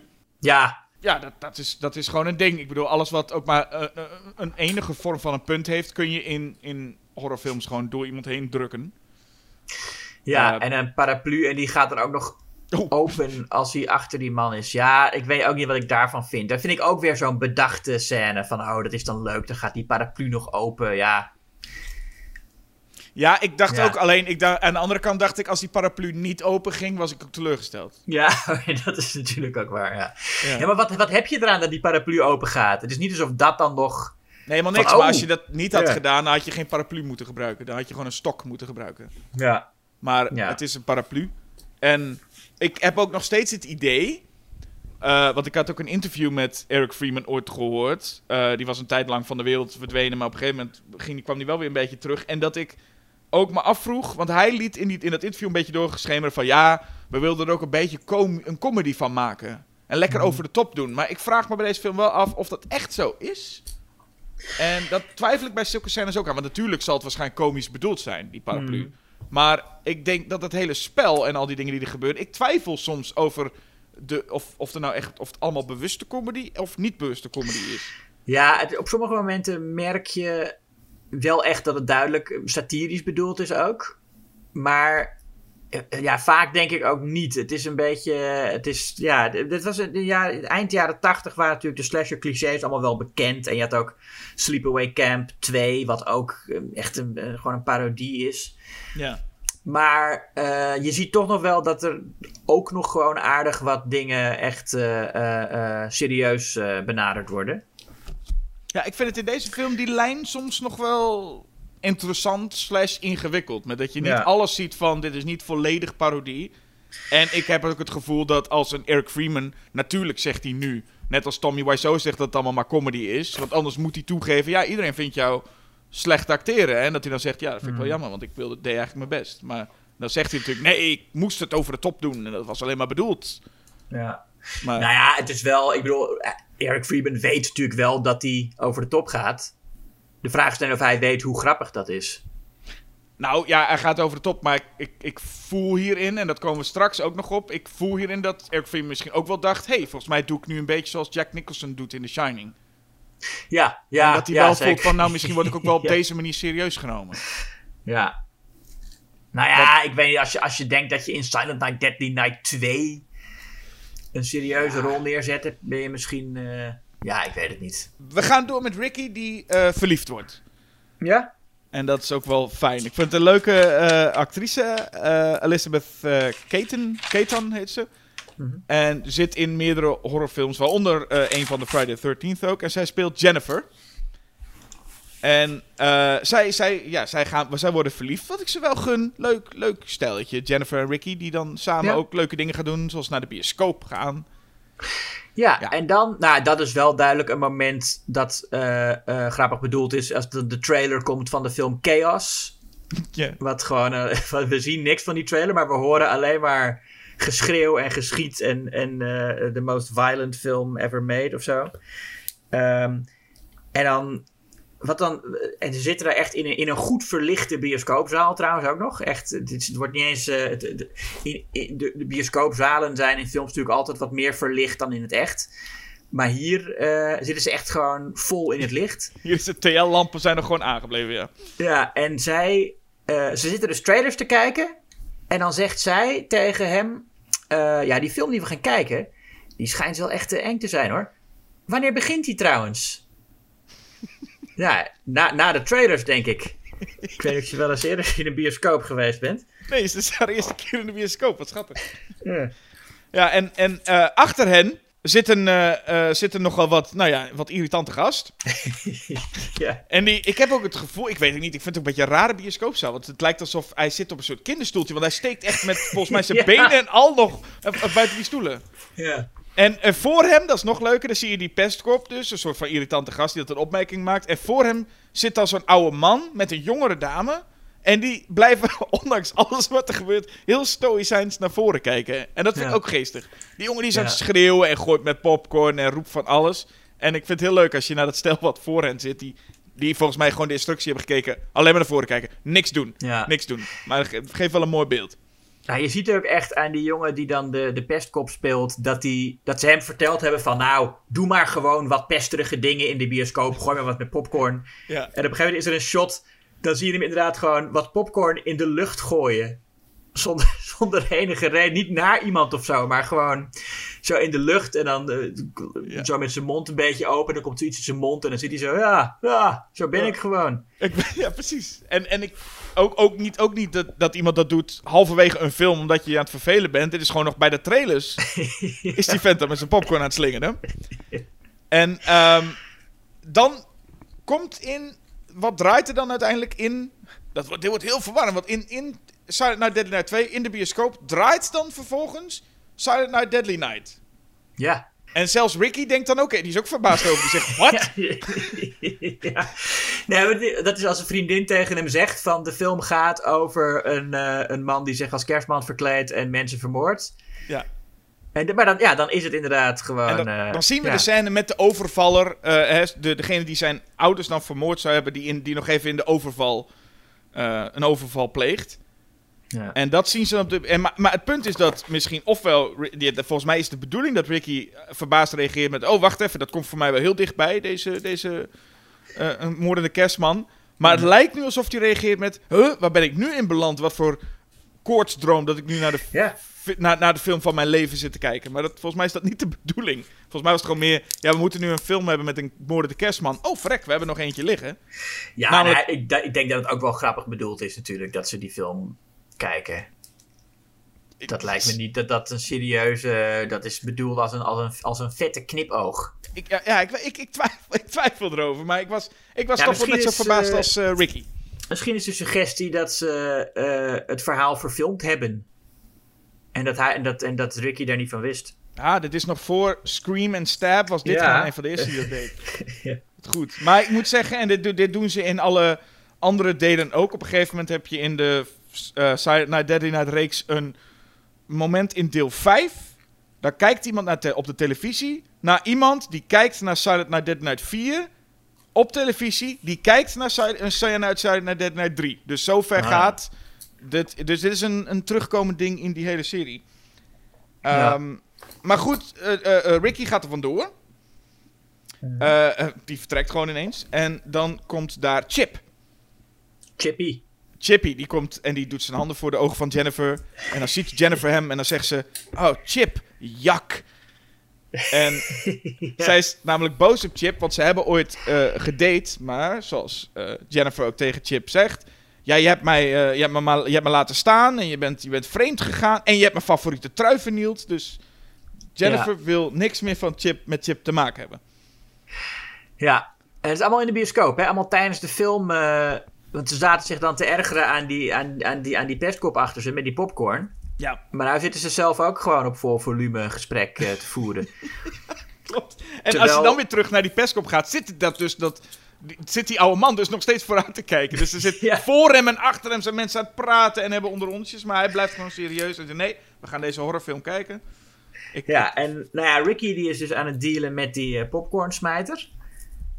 ja, Hè, die, die, en, en dat is ook, ook weer ja, dat, dat merkt niemand, weet je wel. Die, zelfs die jongen die naast hem zit, merkt er niks van dat zijn vriend opeens eh, bij, de, bij, bij de keel gegrepen wordt. Nee, nou het volgende gebeurt. Die pestkop, die zegt op een gegeven moment iets van... Ah, deze film is zo bogus, man. En dan heeft hij ook commentaar op de film, want... Hij zegt, deze gast gaat ongetwijfeld naar eh, eh, de kelder zonder zaklamp. Let maar op.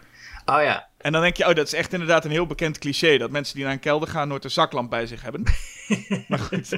En dan, die man zegt dat steeds tegen die vriend die nooit wat zegt, maar die heeft dan een snor. Ik weet niet waarom dat, maar die, er zit zo vet met zijn snor naast hem. En dan gaat hij eh, van zijn plek, gaat hij naar die, naar die vriend toe en weer terug. En dan gaat hij nog een keer naar die vriend toe en weer terug. En de derde keer, dan zit Ricky daar ineens. ja. Waarbij, waarbij ik inderdaad denk, waar is die gast met die snor nou gebleven? Wat heeft Ricky daarmee gedaan? Maar ineens zit Ricky daar. En dan zien we die benen van hem heen en weer schoppen en wat popcorn door, de rond, de, door het, het rond vliegen. Het is, het, is een, het is een soort combinatie van een hele flauwe comedy eigenlijk. Maar het, nog, Ja. toch nog steeds heb je het gevoel dat het wel ook een serieuze horrorfilm ergens is. Dus Ja, het is een beetje dat vervelende eind jaren tachtig, eh, heel duidelijk bewust van de clichés en dingen. Nou, ook inderdaad dat hij zegt naar de kelder zonder zaklamp. Ik zit nou te denken. ehm, dit is een personage in een film. Dat zegt van. dat commentaar levert op. eh, op, op de clichés in andere films. Ehm, maar hij, hij woont zelf ook in een wereld met filmclichés. Dus in zijn wereld ga je wel gewoon met een, met een zaklamp naar de kelder. En in de echte wereld we, zetten we gewoon het licht aan in de kelder. Maar hij woont in een wereld waarin eh, eh, kelders geen lampen hebben. Je moet je gewoon een zaklamp meenemen. Want hij woont in een horrorfilm. Snap je? Ja, hij woont Dus- in een horrorfilm. Dus dat is. ja. Ja, vind ik wel mooi. Wat ik ook mooi vind, is de volgende dag. Want dit is wel eigenlijk waar, waar de film eh, nou ja, ook inmiddels wel onbekend staat. Mhm. Want de volgende dag beginnen bij dat Ricky met eh, Jennifer een, een stukje gaat lopen. Eh, maar dan zien we ook weer Chip. ja. En Chip benoemt nog even, die maakt ze een beetje kwaad. En die benoemt ook nog even van ja, ik gaf Jennifer een, een ritje in Old Red hier. En toen dacht ik al, ah, hij noemt de kleur rood. Dan zal dat wel... Hè? Ja, Da- tuurlijk. daar, ja. daar- daar gaat Ricky en die stopt dan startkabels in zijn mond en laat Chip ontploffen. ja. Ehm, en, en, en hier zien we dan dat Jennifer wordt daar boos om. Dat is een rare Ja. reactie. Maar, maar, maar ze zegt dan ook wel, je hebt hem gedood, ik haat je. Wat ja. Een, een- Ja, I hate you. Ja, dat met, meteen, meteen een soort. Meteen weet ze het of zo. Het is, ja, meteen over de schok heen. Weet je, dat is het een beetje. Dus meteen over de schok heen en heeft het allemaal verwerkt. En kan gewoon meteen zeggen: nee, ik, ik haat jou. Ja, ze, ze, ze gaat best snel op dat vlak. Het is niet eerst nog een hele tijd soort van, wat, wat gebeurt hier allemaal? Waarom Ja. doe je dit? Ik, ik, oh, help, ik ben in shock. Nee, het is gewoon, ik, eh, je hebt hem gedood, dus ik haat je. Ja, nou, Ehm, duidelijk. En, en dan zegt hij punish. Want dat is zijn catchphrase. Maar dan op, op een manier waarop hij dat... eh, eh, niet, niet, eh, niet punish. Maar echt punish. En dan Ja. staat zij op en dan hoor je haar dit doen. En dat, dat moest ik heel erg om lachen. Dat ze dat Ja. Ja, ja, dat is cartoonesk. ja, maar die zag ik niet aankomen. Dat zij dat Nee. daar op dat moment zou gaan doen. Nee. En, eh, en ik zag ook niet helemaal aankomen dat zij dan dood zou gaan. Dat vond ik ergens ook nog wel. Dat, dat, ik dacht misschien dat ze op een of andere manier nog wel later terugkomt. Of wat dan ook. Maar nee, dan is het ook gewoon. Jennifer is, eh, is, is ook exit. Ja. Ja, en dan, eh, dan is, er gaat echt iedereen eraan bij Ricky. Hij heeft nou ook niet eens meer, hij heeft niet eens meer wat Billy nog had. Hij is nu echt gewoon iedereen die die tegenkomt eh, moet kapot. Ja. Maar, ja, met een pistool dus. En dan denk ik, oké, ik zit nou een kerstslasher te kijken. en wat gebeurt er? Een gast loopt op klaarlichte dag in het zonnetje, in zijn t-shirt. met is een blauwe trui. Blauwe trui. Nou, oh ja, hij heeft een trui aan. Ja, oké, in een blauw, maar zonder jas. Ja, ja, nee. Het is een zondag. Het is een zomerse Ja. dag ergens in, eh, in Los Angeles. Het is in elk geval, ja, nou, ja, goed, in Los Angeles is het inderdaad, dan, dan is het ook met kerst niet zo, niet zo, niet zo koud, maar goed. Nee, maar ook die Dan kleur. nog, ja, hij mag eh, dan misschien zelf ook geen. Maar hij heeft ook niet eens een rode trui. Het is ook een blauwe trui. Het is ook gewoon. Er is niks kerstigs aan Nee. de- deze scène. Ja, en dan, en, dan, en dan is het een slasher en dan loopt hij gewoon mensen dood te schieten. Ja, dat vind ik dus niet kunnen. Als je een kerstslasher belooft, dan moet je niet aankomen met een gast die op klaarlichte dag in zijn blauwe trui met een pistool mensen afknalt. Dat vind ik niet leuk. Maar ja, ik vind het natuurlijk Nou, wel leuk. Ik wou zeggen. Want, het- eh, ja, nee, het is natuurlijk hartstikke leuk wat hij doet. Want hier is, nou ja, dit was voor, volgens mij in de, in de vroege tijden van YouTube. Samen met eh, Troll 2, dat fragment van They're eating her and then they're going to Ja. eat me.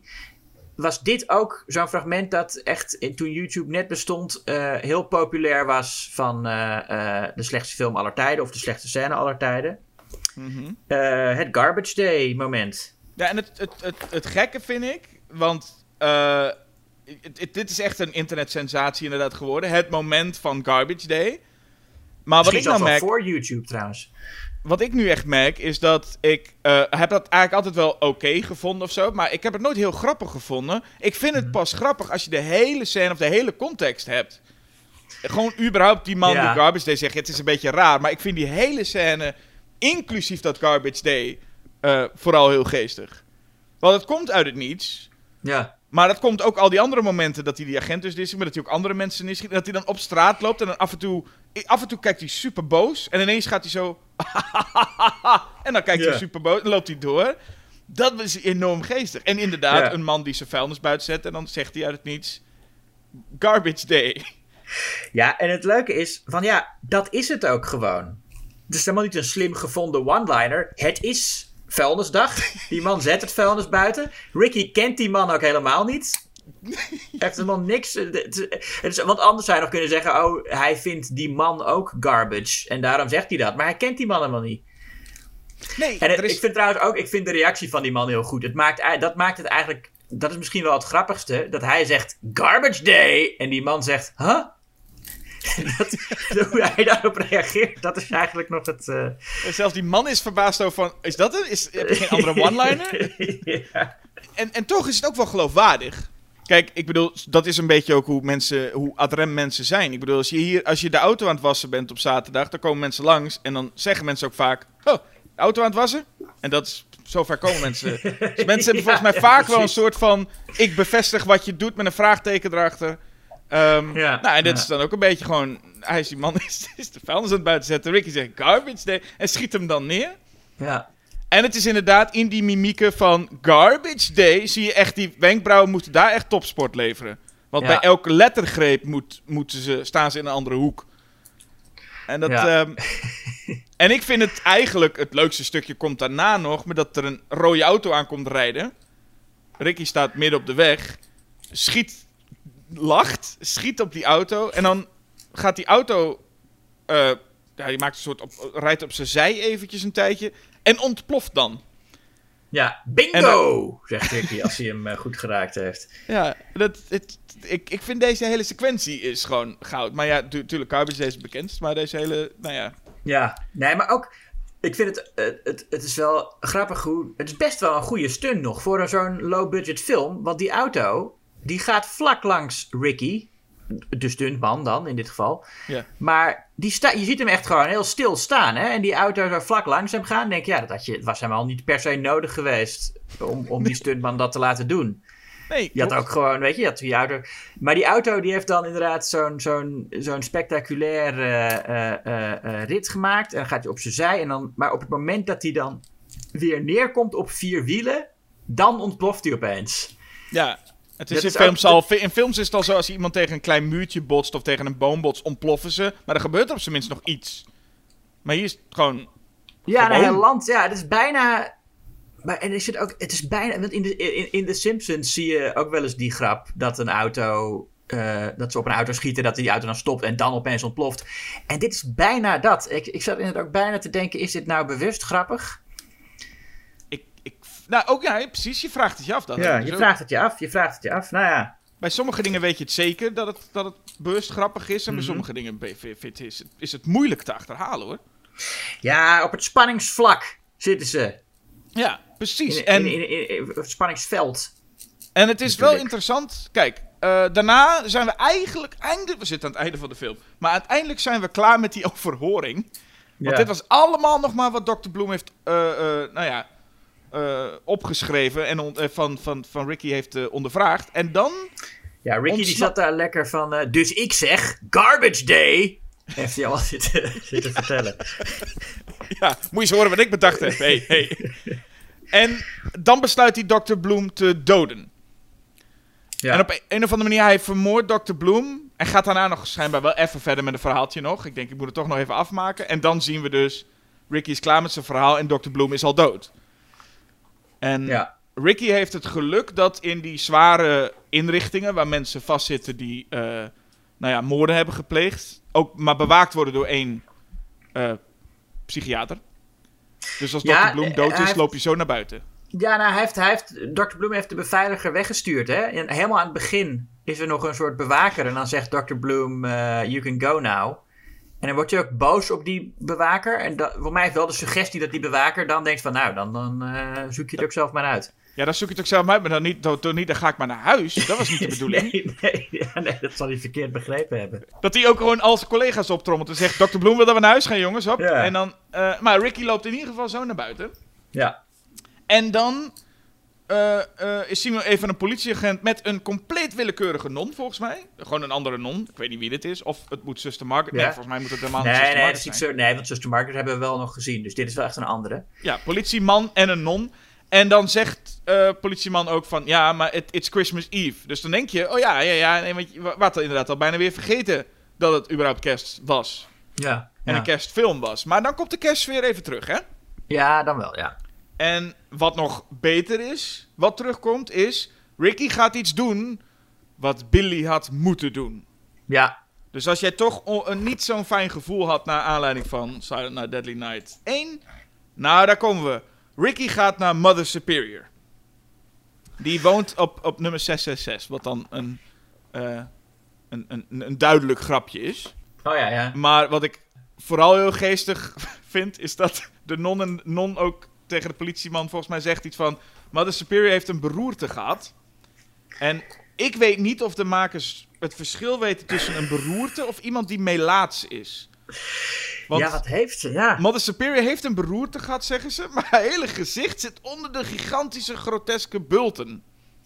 Ja, ik denk dat dat is om, eh, zodat je niet ziet dat het een andere actrice is dan in de flashbacks. Dat, eh, ja. Ja, precies. Eh, maar dan zou je het ook gewoon niet een beroerte moeten noemen. Althans, ik ken geen beroerte die er zo, eh, waardoor je er zo uit gaat zien. Nee, nee. Maar ik ben al lang blij, andere actrice of niet, ik ben al lang blij dat we Mo- Mother Superior nog even krijgen te zien. Ja, dat ze alsnog, eh, ja, eh, het nonnetje komt om uh, de lonnetje. ja. En we hebben erop moeten wachten. 40 minuten lang is de eerste film weer. En dan nog, nou ja, een, een, ander. Maar dit is toch wel een climax die. een, een gevecht tussen de gespierde Ricky en de oude, de oude non in, in de rolstoel. Ja, en zij woont dus in een huis met eh, tenminste twee, of nou tenminste één verdieping en een begane grond. Er is, er is, er is, een, er is, een, er is een trap hè, naar boven, maar er is geen eh, lift, geen rolstoellift. En op een gegeven moment zien we haar, eh, dan zit ze boven aan die trap en dan schopt Ricky eruit die rolstoel en dan tuimelt ze helemaal naar beneden. En dan klimt ze daar beneden in een andere rolstoel die daar staat.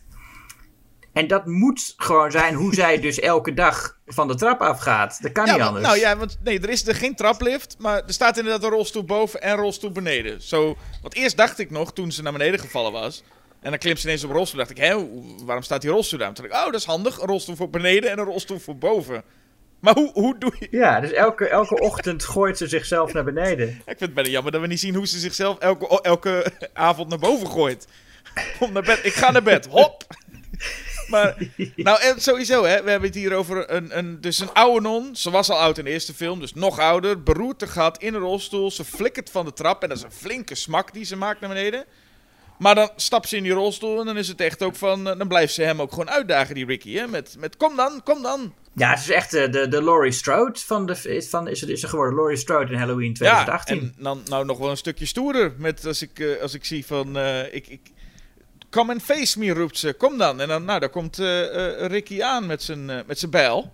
Ja, en dan moet het er toch echt van komen. Ja, dan moet het toch even komen. En, en ja, zoals het hoort, hè. Zij komt met. You're being very naughty. En dan komt Ricky met zijn reactie. Naughty this. Ja, perfect. Ja, dat, dat is. eh, maar dat klinkt ook haast als parodie. Ik bedoel, weet je, dat je, dat je iets this. ehm, Maar dan naughty this. Ik, ja. Het, dat is ook weer zoiets waar ze op het, op het spanningsveld zitten. Tussen, waar ik gewoon echt niet weet of het grappig bedoeld is of niet. Ehm, en dan komen inderdaad, nou ja, eh, die, die andere non en een politieagent binnen en zien daar moeder overste zitten. En raken haar hoofd aan en dat valt dan van de lichaam. Dus hij heeft wel heel netjes, heel netjes die kop eraf gehaakt. Je ziet Ja. vaak in slashes dat bij onthoofding inderdaad een, een, een hoofd toch nog weer heel netjes teruggeplaatst is. Waarbij je niks ziet, maar het valt er pas af als, eh, als mensen in de buurt komen. Ja, Eh, ook Ricky heeft hier wel gevoel voor drama. ja eh, en zeker met zijn allerlaatste, eh, ja, kun je het een one-liner noemen? Als hij ze nog één keer aanvalt en dan roept hij boe. Ja, is jammer dat hij dan niet neergeschoten wordt als iemand zegt boo this. ja, ja, precies. Maar hij wordt wel neergeknald. En eh, ehm, ja, Mother Superior is dus echt dood. Ricky niet. Dat was ook wel een beetje te verwachten. Als je toch alle clichés afgaat, dan moet je ook die, eh, die moordenaar hebben die aan het einde dan nog even een, een glimlachje geeft. ja. Want wie weet eh, was de film zo'n succes dat we Eric Freeman nog terug zouden krijgen. Eh, die zien we niet terug, helaas. Het is wel even nog leuk om te benoemen dat Ricky keert nog wel terug. Dit personage ook. In Silent Night, Deadly Night 3. Maar eh, ja, wordt, wordt gespeeld door iemand anders. Bill Mosley speelt hem daar. En nou ja, we hebben het laatst over hem gehad in, in zijn rol in Texas Chainsaw Massacre 2. Waarbij je zou denken, oh, dat zou nog wel een goede vervanging van Eric Freeman zijn. Het liefst heb je Eric Freeman gewoon terug. Had die gast een hele, had die gast een hele, hele reeks gegeven, zou ik zeggen hoor. Maar, ehm, maar het is heel stom dat ze ervoor kiezen om in het vervolg Ricky gewoon eh, eh, nou ja, stom te maken. Dat hij niet kan praten. En loopt hij een beetje als een zombie rond. Ik denk, nou, jij, wat, heb je, wat hou je over als je van deze, deze, deze Ricky ziet en je, en, je, en je laat hem niet praten? Ja, wat, wat heb je dan nog? Ja, niks. Ja, wenkbrauwen. Ja, stel spieren met wenkbrauwen erboven. Ja, dat is het dan. Dus het, het is ook niet een aanrader. Ik moet zeggen dat de rest, de andere films in deze reeks, zijn opvallend nog leuk. Deel 4, deel 5. Ze hebben geen hol te maken met dit, eh, met deze films. Eigenlijk is dit vooral, deze twee horen nog wel een beetje bij elkaar. Het verhaal van Ja. Billy en Ricky. Ja. Ja, en daar moeten wij dus ook tussen gaan eh, kiezen. Ja. En dat wordt me wat. Dat wordt wat. Ja, ik heb. Nou ja. ehm, kijk, ik, ik vind het allebei, moet ik zeggen, geen eh, geweldige films. Ik heb me heel aardig vermaakt met allebei. Maar ja, die eerste. Nou, ik, ik, ik verdedig dus wel de eerste. Die heeft eh, nog echt de kerstsfeer waar ik eh, van houd in een, in een kersthorrorfilm. En die tweede heeft eigenlijk, ja, buiten die fantastische rol van Eric Freeman, eh, heeft hij niet zoveel te bieden volgens mij. En het is, het is een hele leuke rol van hem, maar los daarvan heeft die film niet zoveel voor mij. Dus ik ga dan voor de eerste. Ik moet wel zeggen dat nu eigenlijk is de rol van Billy. We hebben de acteurnaam ook helemaal niet genoemd. Eric Freeman wordt de tijd benoemd. Ja, oh ja. ik, ik weet ook even niet hoe die man heet. Ja, het acteerwerk is niet heel. Maar weet je, de eerste heeft ook. Ja, er zit toch, er zit toch wel iets in. Wat ook een van de redenen is dat die film zo controversieel was. Is toch dat idee van de kerstman. Die dan een soort heilige onschuld eh, representeert. En dat je met die moraal aan de haal gaat en gaat zeggen van nou oké, maar dan gaat de kerstman dus ook echt iedereen straffen die ook maar een beetje bepaalde maatschappelijke regels overtreedt. Ehm, het, is, het is gewoon een heel goed concept, weet je wel. Het is echt een goed concept. En het is jammer dat, dat de film eh, niet zo fantastisch is. Oké, ik zal nog even. We zullen in ieder geval nog even de naam benoemen. Robert Brian Wilson is de acteur die Billy speelt Oh, ja. in de eerste Silent Ja. Deadly Night. Maar oké, dus duidelijk volgens mij, hè? Ja. Voor jou. Eh, ik neem het op eh, met liefde voor Silent Night Deadly Night 2. Ik heb eigenlijk het beste argument, is het meest logische argument hier. Eh, waarom zou je deel 1 weg kunnen doen? Dat is eigenlijk omdat je met deel 2 heb je de eerste ook niet meer nodig. Want die Ja. krijg je er ook gewoon bij. Je hebt eigenlijk gewoon de twee films in één. Dus ja, waarom zou je deel 1 nog ook nodig hebben? Als je deel 2 kijkt, krijg je deel 1 ook nog te zien. ja. Een ander argument is eh, Mother Superior. Ja, die gaat niet dood in deel 1. En dat is toch echt wel een... Ik, ik vind het wel een fout van die eerste film. Ja. Ik, dat, dat, natuurlijk kun je met verwachtingen gaan spelen. Maar hier vind ik gewoon, dit hadden ze moeten doen. Dat is een beetje een leem einde. Ehm, en dat wordt toch, toch opgelost in... eh, ik bedoel, de, de, de bitch wordt gestraft in, eh, in deel 2. Maar het, het, het grootste argument voor Silent Night Deadly Night 2 is toch wel Eric Freeman. En ja, ik, ik, ik moet zeggen dat ik nu, als ik er nu aan denk, dat eigenlijk die eerste film, Billy, ook wel memorabel is, maar juist om de tegenovergestelde redenen. Dat dat, dat, dat, dat, dat ook wel Ja. leuk blijft. maar eh, Ja. ik, Eric Freeman is iets wat, dat, daar, daar denk je over een lange tijd nog steeds aan terug. Aan hoe, hoe die, gewoon dat, überhaupt dat wandel, die wandelsessie in zijn blauwe trui door die, door die straten. Ja. Ja, dat eh, dus, het is memorabel wat mij betreft. Silent Night Deadly Night 1 probeert eigenlijk gewoon iets meer een... Nou, ook een- gewoon een, een degelijke slasher te zijn. En ja, dat, dat doet het oké. Goed, goed. Nou ja, dan is het voor ons duidelijk. Dan is het voor jullie misschien nog niet helemaal duidelijk, luisteraartjes. eh, wat jullie gaan kiezen. Nee. Nee, daar ben ik ook eh, uiteraard zeer benieuwd naar. Ehm, je mag er deze kerst maar eentje zien. En welke wordt het? Nou, Ja, je, ja je, hebt, je hebt maar twee kerstdagen. Ja, dat is ook wat. Hè? Dat, dat verba als kind was ik heel erg verbaasd toen ik hoorde dat in Amerika, dat het was altijd van eh, kerstmis is maar één dag. Ik dacht, hè, het is toch twee dagen? Maar dat is blijkbaar ook iets. Zij hebben dus, nou en Sinterklaas vieren ze ook nog eens met kerst. Dus die Amerikanen, die, zijn, die houden niet van feestdagen of zo. Die hebben gewoon drie van onze feestdagen, wilden ze allemaal in één dag hebben. Ja, maar wat ik wel, wat ik in ieder geval als kind nooit meekreeg, ik kreeg altijd wel mee dat er twee kerstdagen waren, 25, 26 december. Maar in Amerika Ja. schijnt Christmas Eve veel heel groots te zijn. En dat heb ik nooit meegekregen. Ja. Dat kerstavond, dus 24ste, dat dat juist een heel groot iets is. Ja, nou dat is wat wij doen met Sinterklaas natuurlijk. Hè. De, de, eh, Sinterklaasavond is de vijfde en Sinterklaasdag is eigenlijk de zesde. Maar, en zo is dat inderdaad dat je op kerstavond al eh, eh, ja, iets leuks gaat doen. Dat doen wij inderdaad minder. In Duitsland doen ze dat dan weer wel. Nou ja, goed. Dan Ja. Heb je, dan, dan- je, zou dus een, een, een, je zou er dus drie van kunnen maken. Je zou er ook maar één van kunnen maken. Hoe dan ook. Hoe dan ook, ik wil nog wel even zeggen, je hebt ook Nederlanders die dan Amerikaans kerst willen vieren. En die dus dan zeggen, nee, we gaan niet, we doen geen Sinterklaas, we doen kerst met cadeautjes en de kerstman.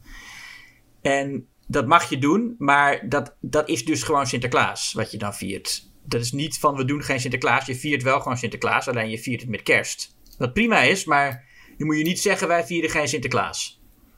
Je hebt het Dat verschoven. wou ik even gezegd hebben. Ja, je hebt het verschoven. Ja, want eh, hoewel, hoewel ik wel mensen hoor die eh, wel, wel eh, kerst doen met cadeautjes. En ook wel kerst met zelfs gedichten. Maar dan niet surprises. Dat schijnt al wel echt wel iets te zijn. Dat moet je dan weer niet met kerst doen. Ik weet ik heb die regels ook niet bedacht. Nou, ik als, als, je, als je kerst met cadeautjes en gedichten doet, is dat ook gewoon Sinterklaas vieren met kerst. Is ook zo. En die surprises, ja. Ik, ik, wij doen nog wel surprises, eh, maar ik vind vooral de gedichten eh, eh, belangrijk. Dat is waar, daar blink ik altijd in uit. Zo. Tenminste, dat is waar ik, waar ik het meeste aandacht aan besteed. Ja, nou ja, ik, ik vind zelf het een, meer, meer... Nou, voor mensen als Goert vind ik het wel een goed iets. Dat ze alsnog Sinterklaas kunnen vieren zonder het Sinterklaas te noemen. Ja, ja, nee, dat is heel goed. En voor mensen die dus iets tegen Silent Night Deadly Night hebben... Ga gewoon Sinterklaas vieren. Dat had je tegen al die protest, eh, mensen die aan het protesteren waren kunnen zeggen. Ja, Vier dan gewoon lekker Sinterklaas, joh, klaar. het schelen. Hoe dan ook, eh, ik zou zeggen, eh, ik zou in ieder geval zeggen fijne feestdagen. Maar kies vooral even welke Silent Night Deadly Night je wil gaan kijken deze, dit holiday season. En wat moeten ze dan nog meer doen deze feestdagen? Oei, nou als ze dat nou heel graag willen, moeten ze eh, eh, bijvoorbeeld een abonnement nemen op Schokkend Nieuws. En je kan ook deze podcast natuurlijk leuk vinden en eh, hoe noem je dat? Subscriben en liken en, en recensies achterlaten. Dat helpt allemaal om meer luisteraars te bereiken. Dus doe dat vooral en koop ons blad in godsnaam. En dit is dan alweer de laatste Julius versus Jasper van dit jaar. Ja, en we willen, nou ja, kijk, we willen volgend jaar natuurlijk heel graag weer gewoon eh, normale afleveringen gaan maken. Het is nog steeds, wat ons betreft, ehm, COVID-gewijs niet heel handig om heel veel heen en weer te reizen en zo.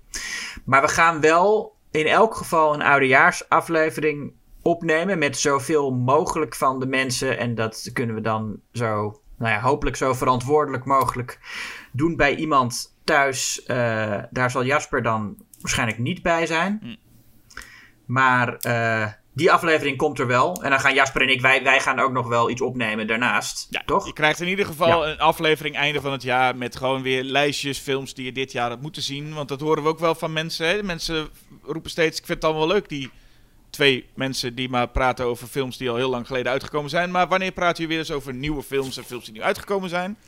Nou ja, we hebben in ieder geval nu Ja. wel één aflevering waar even nou ja, over films van dit jaar wordt gesproken. Ja, ik hoop gewoon dat in het nieuwe jaar als eenmaal eh, de pandemie wat eh, milder is geworden, dat het dan weer gewoon kan. Het hele team hopen we inderdaad weer bij elkaar te hebben voor de eindpodcast. En dan zijn wij als Julius versus Jasper in ieder geval volgend jaar wel weer. Ehm, Ja, Voor, weer, ja. eh, voor weer wat meer oude meuk. Yes. Oh ja, wat wordt eh, de eerstvolgende? Dat is ook iets wat we nog moesten zeggen. Ja, dat moeten we altijd ook even zeggen. Voor, voor die luisteraar die nog helemaal aan het einde dat riedeltje ook nog wil horen allemaal. Eh, maar goed, de eindejaarspodcast gaat dus over recente films. En wij gaan dan weer meer oude meuk opzoeken. En dat doen we met... eh, ja, ik, ik heb van jou begrepen, Julius. December, dan heb jij zin in spookfilms. Ja, ja, kerst is altijd met spoken. Dus ik heb zin in The Haunting en ik heb zin in The Innocents. Nou, kijk, dan is de keuze snel gemaakt. Dus de volgende aflevering gaat het hebben over The Haunting en The Innocence. Nou, Ja, Haunting van eh, Robert Wise, hè?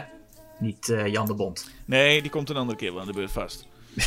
ja. Goed, dan eh, zou ik bij deze willen zeggen: luisteraar, bedankt voor weer eigenlijk een heel jaar luisteren. En vooral ook fijne feestdagen, wat je ook gaat doen. Of het nou pakdag was of, of, of, of surprises met kerst, maakt allemaal niet uit. Ja, zo is het. En nu is het wel genoeg geweest. Eh, fijne kerstdagen iedereen. En eh, vergeet... Ja, dan ik wou ook nog iets zeggen, maar ja, dat, dat, we- dat weet ik dan dus niet. Vergeet niet, je, als je de kerstman ziet, eh, heel hard wegrennen, want hij gaat je wat aandoen. Zo. Precies. Hey, eh, fijne kerst en eh, tot de volgende keer. hey, en ja, fijne kerstdagen ook. Oh, en trouwens, wil Ja? ik iedereen ook nog, mensen die het niet vieren, ook, ook alsnog een fijne kerst. Ja, als je het niet viert, gewoon fijne eh, dagen. Mijn oom en tante willen dat nooit, hè. Die worden dan uitgenodigd bij mijn ouders. En dan zeggen, zeggen mijn ouders van, komen jullie met kerst? Zeggen ze, nee, we vieren geen kerst. En dan zei mijn moeder, ja, maar kom dan gewoon de 25ste. En dan hoeft het geen kerst te zijn of zo. Maar dat, eh, nee, nee, dat is... eh, nou ja, fijne kerst iedereen. Tot de volgende keer. Doeg.